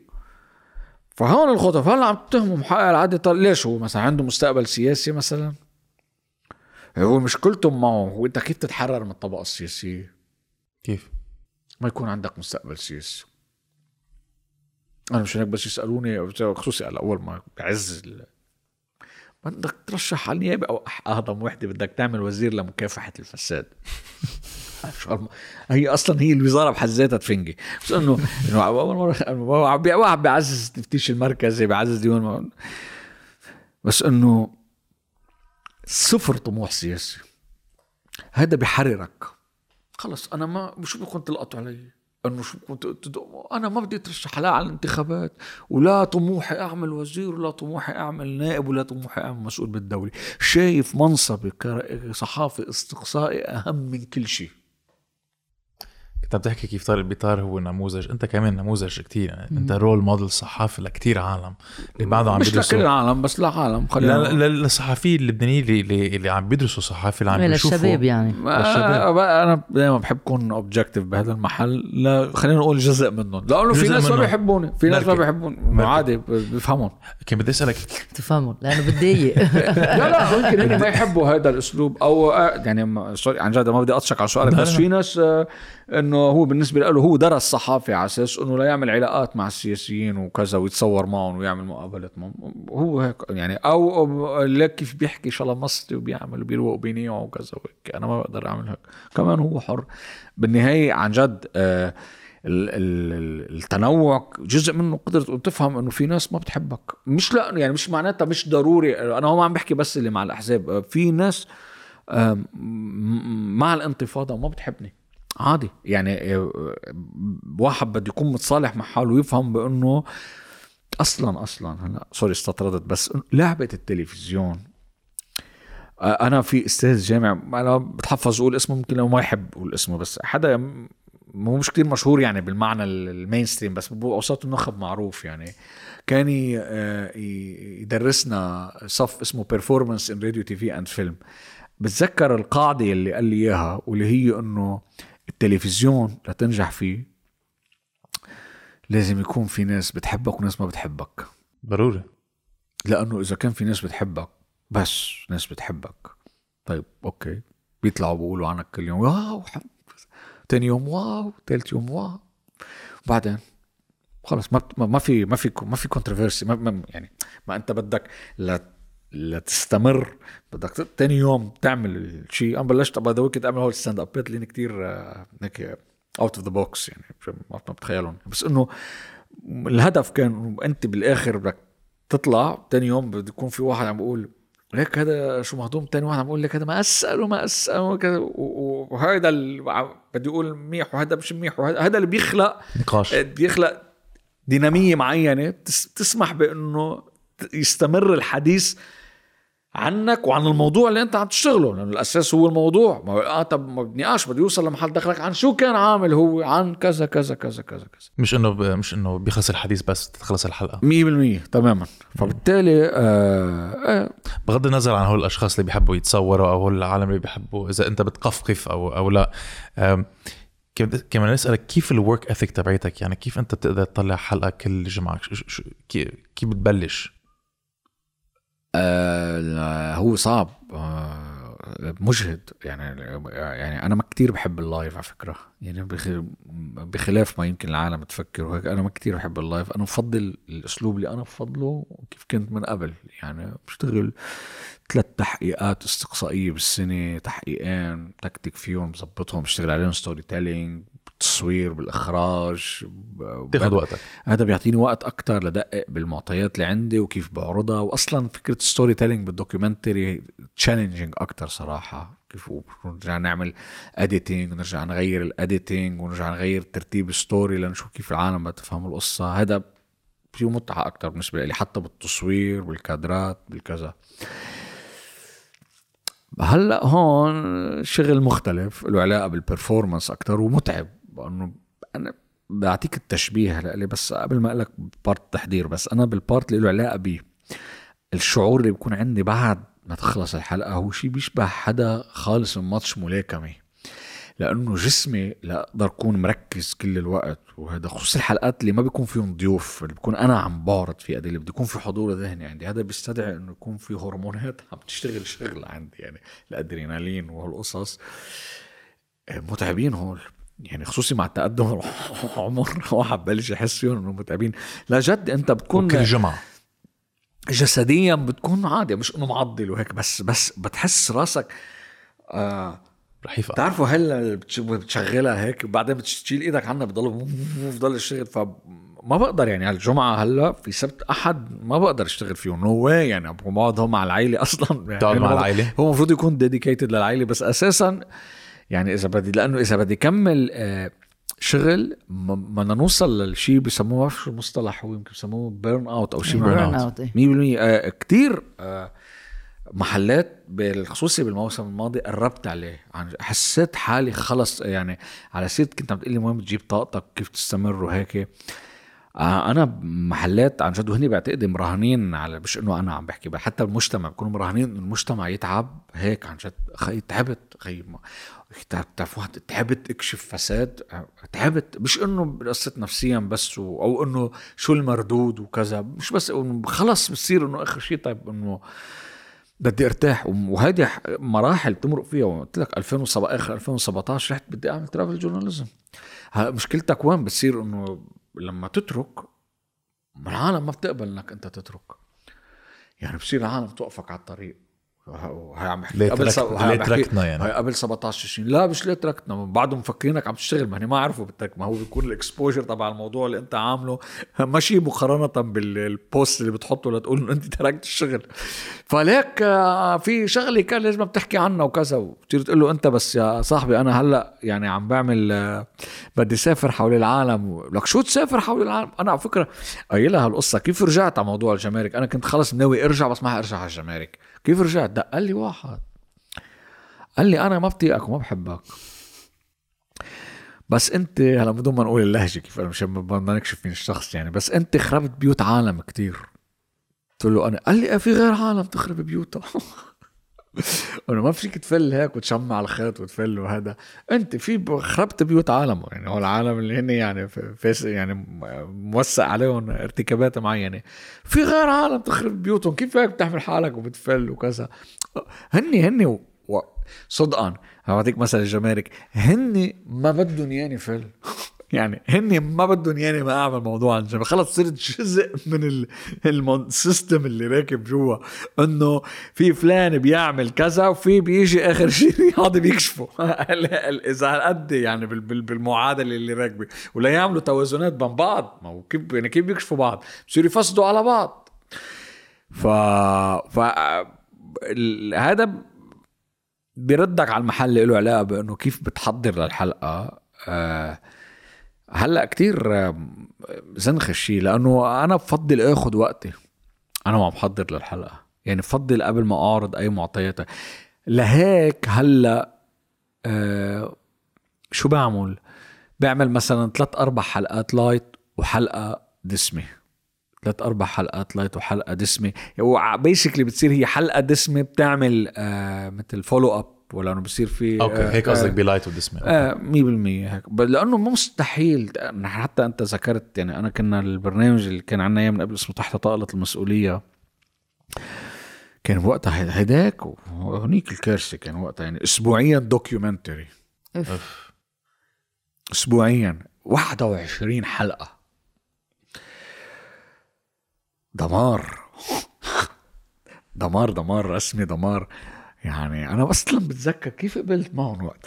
طلع حالي هيك. كيف قبلت؟ طبعا حضرنا حلقات قبل وهيك بس قد ما كان آه شو يعني طبعا بقي فترة كان ست أشهر تحضير وهذا بس بالدوكيومنتري سهل لأنه أنت يعني سهل بمعنى سهل التحضير قبل بوقت. بالشيء اللي على الهوا وهيك ما بتزبط. يعني تقعد تحضر أنت بدك دائما في أشياء تتركها لآخر لحظة وهيك. آه متعب متعب الموضوع يعني ما ما أنا ما ما هذا ما بيسمح لك إنك تروح بالعمق بقضايا معينة لأنه في هيدا ال frequency الأسبوعية هلأ الحجة تبع التلفزيون دائما بتكون إنه أنت بالتلفزيون بدك تضلك اسبوعيا وإلا بتخسر ال ال pace أو يعني. أو الع... يعني أنا عندي سؤال لك شو بيخليك توقف يوما ما؟ اليوم. آه، مش بخليني وقف بخليني هاجر شو وقف اولادي يعني أنا بفكر بإنه مس- يعني خلص إذا إذا أنا بدي أفكر انتبه أنا ماني مثل السياسيين اللي بيكذبوا على العالم بصيروا يقولوا لهم العالم الكرامه والعزه والمش عارف شو وهن واولادهم بيدرسوا برا وعندهم بيوت بلندن وب... وعلى شو شو اسمه هذا الشاطئ الفرنسي شو اسمه؟ كوت دازيور. أيوه. مثل رياض بعرف بأنتيب الفرنسي. إيه. كلهم مش بس رياض سلامه لا مثل. رياض سليم. رياض سلامه عنده وين ما كان بعرف. ال ال ال نعرف. ما شاء الله ما شاء الله. مهم ال ال إنه أنا بحكي عالم بصراحة. أنا من أنا يعني إذا بتفكر بمستقبل اولادي مش هون أكيد. يعني كيف أنت بتفكر؟ ابنك عنده بوتنشل هيدا البوتنشل قديش إمكانية يبرز هون وقديش إمكانية يبرز برا. وأضعاف أضعاف أضعاف. ومثل ما بقول لكم أغلب الوقت بتحس حالك يعني كأنك مغترب بهذا البلد. إنه هن إنه البلد لهم وأنت عم تجرب تقول لهم يا جماعة بس إنه لا مش هيك وهيك. ما بحسسوك شعور اللي إنك أنت لاجئ ولا شي شغلة يعني. عن جد. تخيل أنا جاي أعمل لجوء بلبنان يعني. هو العكس لازم يصير. فايه هذا اللي لاولادي إنه أنا إذا بفكر بمستقبل اولادي أنا لازم فل. ما لازم أبقى ولا تكي بالبلد. وإذا فيك تنصح شيء للصحفيين اللي هلأ مثلا عم بي شافوك و... و... وتشجعوا من كل شغلك شو بتقول لهم؟ أنا كتير بحب أسلوب النصح وهذا بس إنه آه، ال- ال- الشيء الأساسي دائما بقوله إنه واحد ولا مرة يجرب يكون أسير ال wishful thinking ال wishful thinking هو عدو بالمطلق يعني بس هو بالذات عدو الصحافي الأستقصائي وما بيدعم انتبه يعني ما- ما بدعي إنه أنا حتى ولا مرة يعني ياثر علي. دائما بجرب حصن حالي منه. مشان هيك هلا إذا بتنتبهوا بإجاباتي دائما بكون دائما صريح وواضح. مرفق بقول لك ما في حقيقة. كذا. بحسب أسوأ السيناريو. بعتمد الأسلوب اللي بيعتمده بال confrontation يعني أنا لما أعمل confrontation مع شخص بدرسه. بدرسه تقري من بدرسه فوق لتحت وبلش بفكر إنه حالعب معه chess شطرنج. يعني إنه رح أعمل كذا رح يجاوب كذا. وبفترض دائما هو أذكى مني. يعني دايما بحسب ال worst case scenario فهيك نفس الشيء بي يعني بالعمل الصحفي ما تكون مع ال wishful thinking ولا حتى بتجميع الأدلة. يعني مش إذا شخص أنا ما بحبه وكذا وصير جرب بقول لا هيدي بتركب بالدليل إنه بشكل إنه صير اختار الأدلة يلي بتدين واستبعد الأدلة يلي بت يعني بتدين. بتركب له ملف. لا ما, ما ما لازم آه، تركب له ملف. ال wishful thinking بدك تبعد عن ال wishful thinking هذا الأساس. إذا بتقدر تتحرر منه مش بس كصحافي حتى بالحياة يعني بيأثر على حياتك كتير. وطالما عم تتوقع الأسوأ أنت بيكون ماشي حالك بالحياة. لا خصوصي ببلد مثل لبنان. seriously شو بدك توقع؟ واحد توقع المنيح يعني إنه والله إنه أنا أنا يعني كانوا الناس كون إيجابي وليش أنت هيك بومي يا خي منو أنا مش بومي أنا يعني عم جرب شوف. الأمور مثل ما هي على قد إيه، وعلى اساسها بجرب أعمل adaptation لاقدر to survive بعتقد وصلنا على آخر البودكاست. آه في سؤال نحن عادة بنساله بعتقد لازم نسألك إياه. كنا بدنا نوقف نسأله. رجعوا في كتير ناس سألونا ليه بطلنا نسأله؟ ليه بومي كل واحد منكم صار بومي يلي هو. انت بتعتقد هلأ مع كل شيء اللي شفته كل شيء اشتغلت فيه هل أنت بتعتقد بعد في أمل؟ أو بدك تشوف إذا حيبقى في حركة أمل. مش مشان ما تكون ليم كتير بعد في حركة أمل نعملها بالعكس. لا سيريسلي بدك تشوف إذا بيبقى بعد في حركة أمل. آه إن شاء الله لا. آه. آه آه آه لا ما هو بدك تشوف آه ما مين ما مين بده يسيطر على المشهد. ما كمان التوازن ضروري بمحلات معينة ضمن الواقعية ال- ال- ال- المشهد أو كيف تتعامل مع المشهد. آه لك لك مستحيل شخص مثلك يعني يكمل آه بهالفترة كليات عم يشتغل لو ما هو حاسس بمحل جواته بأنه في أمل. آه يعني قبل كنا عم نحكي كلام عكسه عم نقول دايما بدك تحسب ال worst case scenario بس أنا عم بحسب ال worst case scenario بده يكون في أمل بأنه أنا ما أو بدي أشتغل ما أوصل لل worst case scenario هيدا ال- الأمل بيكون إنه تنجح خطتي إنه ما نوصل لل worst case scenario فبالتالي بكل مرحلة من هالمراحل اللي كنت عم اشتغل فيها بالتحقيقاتي آه آه أنا كنت على يقين شبه على يقين بإنه نحن واصلين على المحل اللي نحن فيه. بس هل ما كان عندي أمل إنه لأ ما نوصل؟ مبلا حتى بلحظة 17 تشرين أو قبل منه وقت الزبالة وقت كنت يعني أنا من اللحظات اللي بعتبر حالي بس لي شو هي أسعد لحظات حياتك؟ بقول لك أكيد. وقت حراك طلعت ريحتكم 2015 وبرجع بقول لك وقت 17 تشرين هاي هي اللحظات لأنه هاي اللحظات اللي كنت أنا فيها مفعم بالأمل. هيك جسمي دايما هذه في القشعريرة و وحاسس الدنيا مش حاملتني وإنه لأ فينا ونغير ولك. هيهن العالم هو الأساس العالم. بصير تقول لك العالم. إنه لك إنه هون العالم. طلعوا لأ فيهم يعملوا هذا الشيء. آه فهذا الأمل موجود بس مش لمحل يغشني بالوشفول ثينكينج موجود إنه إيه بلا فينا. يوم هلأ آه باللحظة يلي بينتهي فيها بهاجر. وما بعرف بس هاجر شو بيصير. ويمكن يرجع. يعني أنا قلت لك جر... قلت لكم جربت فل وقلت خلص. خيو شو بتوجع راسك؟ بصحافه استقصائي وكذا. أنا زلمة بعرف إخراج وتصوير وكذا وهيك وبحب السفر كتير وهيك. ليه ما بعمل travel journalism نطلع ونصير. حتى قصص scientific كنت بدي اعمل وأحكي أحكي معهم مع ناسا وكذا. بدي كنت بدي أعمل wow. عن آه، السف... عن الرحلات إلى المريخ وال- والله و- شو اسمه هذا الجيت بروبولجن لاب. وبعثت لهم وكذا وبلشوا يردوا علي إنه نعمل هذا آه بس آه ما ما حس ما هلا في كثير ظروف بس إنه حسيت مش ظابطة. وأنا بعدين بس صارت صبر انتفاضة 17 تشرين قلت شوف ما احلاني مثلا أنا اكون الدنيا قايمة قاعدة بلبنان وأنا أنا عم بعمل عن قاعد. بامريكا عم بصور مع ناسا عن إنه عن ال- ال- ال rover تاعيتهم هاي بالمريخ. كيف كنت حكون يعني حرفيا كنت رح كون بالمريخ والبلد هون. ما كانت حتزبط. يعني كنت حكون عم بتخزق من جوا ومستحيل ساعتها أقدر ركز هونيك. بس still الواحد ما بيقدر يعرف شو بيقدر يرسم له مستقبله. فالأمل موجود. بس مش لدرجة إنه آه، يعيشني بوهم الوشفول ثينكينج يعني بعتقد هيدي يعني السادة كانت دسمة مثل مثل حلقاتك بس كتير تعلمنا منك وكتير حبيبي يعني فتنا بالتفاصيل وهذا الشيء كان ضروري لأنه نحن كلبنانيين مثل ما قلنا من قبل بنضيع بالتفاصيل مش التفاصيل تبعولك بس التفاصيل اللي بيجربوا، إيه. الأمور اللي لا بيستعملوها وحتى حتى الحلقة أنا نفسها بس في ناس كثير لأنه أنا بسمع العالم بجرب أفهم من العالم شو كيف بدي أحسن آه، أسلوبي بالحكي وفي ناس يقولوا لي ليك آه، معك حق بس ما فهمنا عليك. بصير أنه لحظة شوي ما أنا عم بسط على قد لا تفهموا علي فبصير جرب شوفوا نتناقش بالفريق ونجرب يعني حتى ال graphics كيف بدنا نحسنه كل شيء آه لأن جرب قد ما في بسط الفكرة للعالم. والعالم ف- تقدر تهضم كل لأنه هذا الأساس. أكيد. أي communication شو هي؟ ال sender receiver coding decoding فهذا ال- ال process بدي يكون أنا مسؤول عنه وحريص على أنه عم بيحصل لأكبر شريحة من الناس.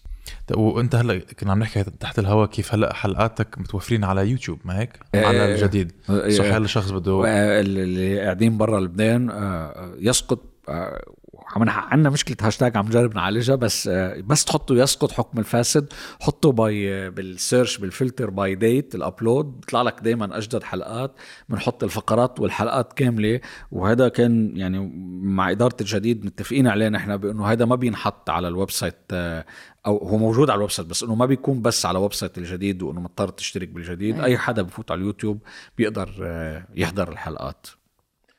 وم- ومجددا ضروري نركز إنه حتى بموضوع انفجار المرفأ في website اسمه www.beirutportexplosion.com عليه كل ال documents أو مش كلهم أغلبهم عم عم نجرب نعمل update لكل وال story كمان ال narrative شو صار. آه، كل شخصية بشخصيتها بدهم يعرفوا عنها بيقدروا يلاقوها كل by history by date ال timeline كل محل بمحله وين كانت الباخرة بيكبس عليه بيطلع له كل ال documents هذا هدفه to inform the public إنه العالم تكون عارفة. مش بس أنا عم بيجي أطلع لكم لأنه بس لاختم عم بتذكر قلتها ب باب بسبعة up يعني آه، كم كم يوم صار الانفجار وكانت العالم بلش تصير تقول نحن بنصدقك ما بنصدق الدولة. قلت لهم لهو العالم اللي عم بقول لك مش كل العالم بس لهو العالم اللي عم بيقولوا بنصدقك وبنصدق الدولة. ما تصدقوني أنا حتى. صدقوا المستندات. إنه نحن ما بدنا نطلع من فكرة هيدي تأليه الأشخاص وايقونتهم إنه هيدا بيحكي الحقيقة. ما حدا بيحكي الحقيقة. الحقائق موجودة في الأدلة والمستندات. صدق أنت عندك مخ وعندك عقل تحلل صدق المستندات والوقائع اللي بتنعرض عليك. Mr. رياض قبيسي the one who knocks شكرا على السلامة. يا هلا ميرسي كتير.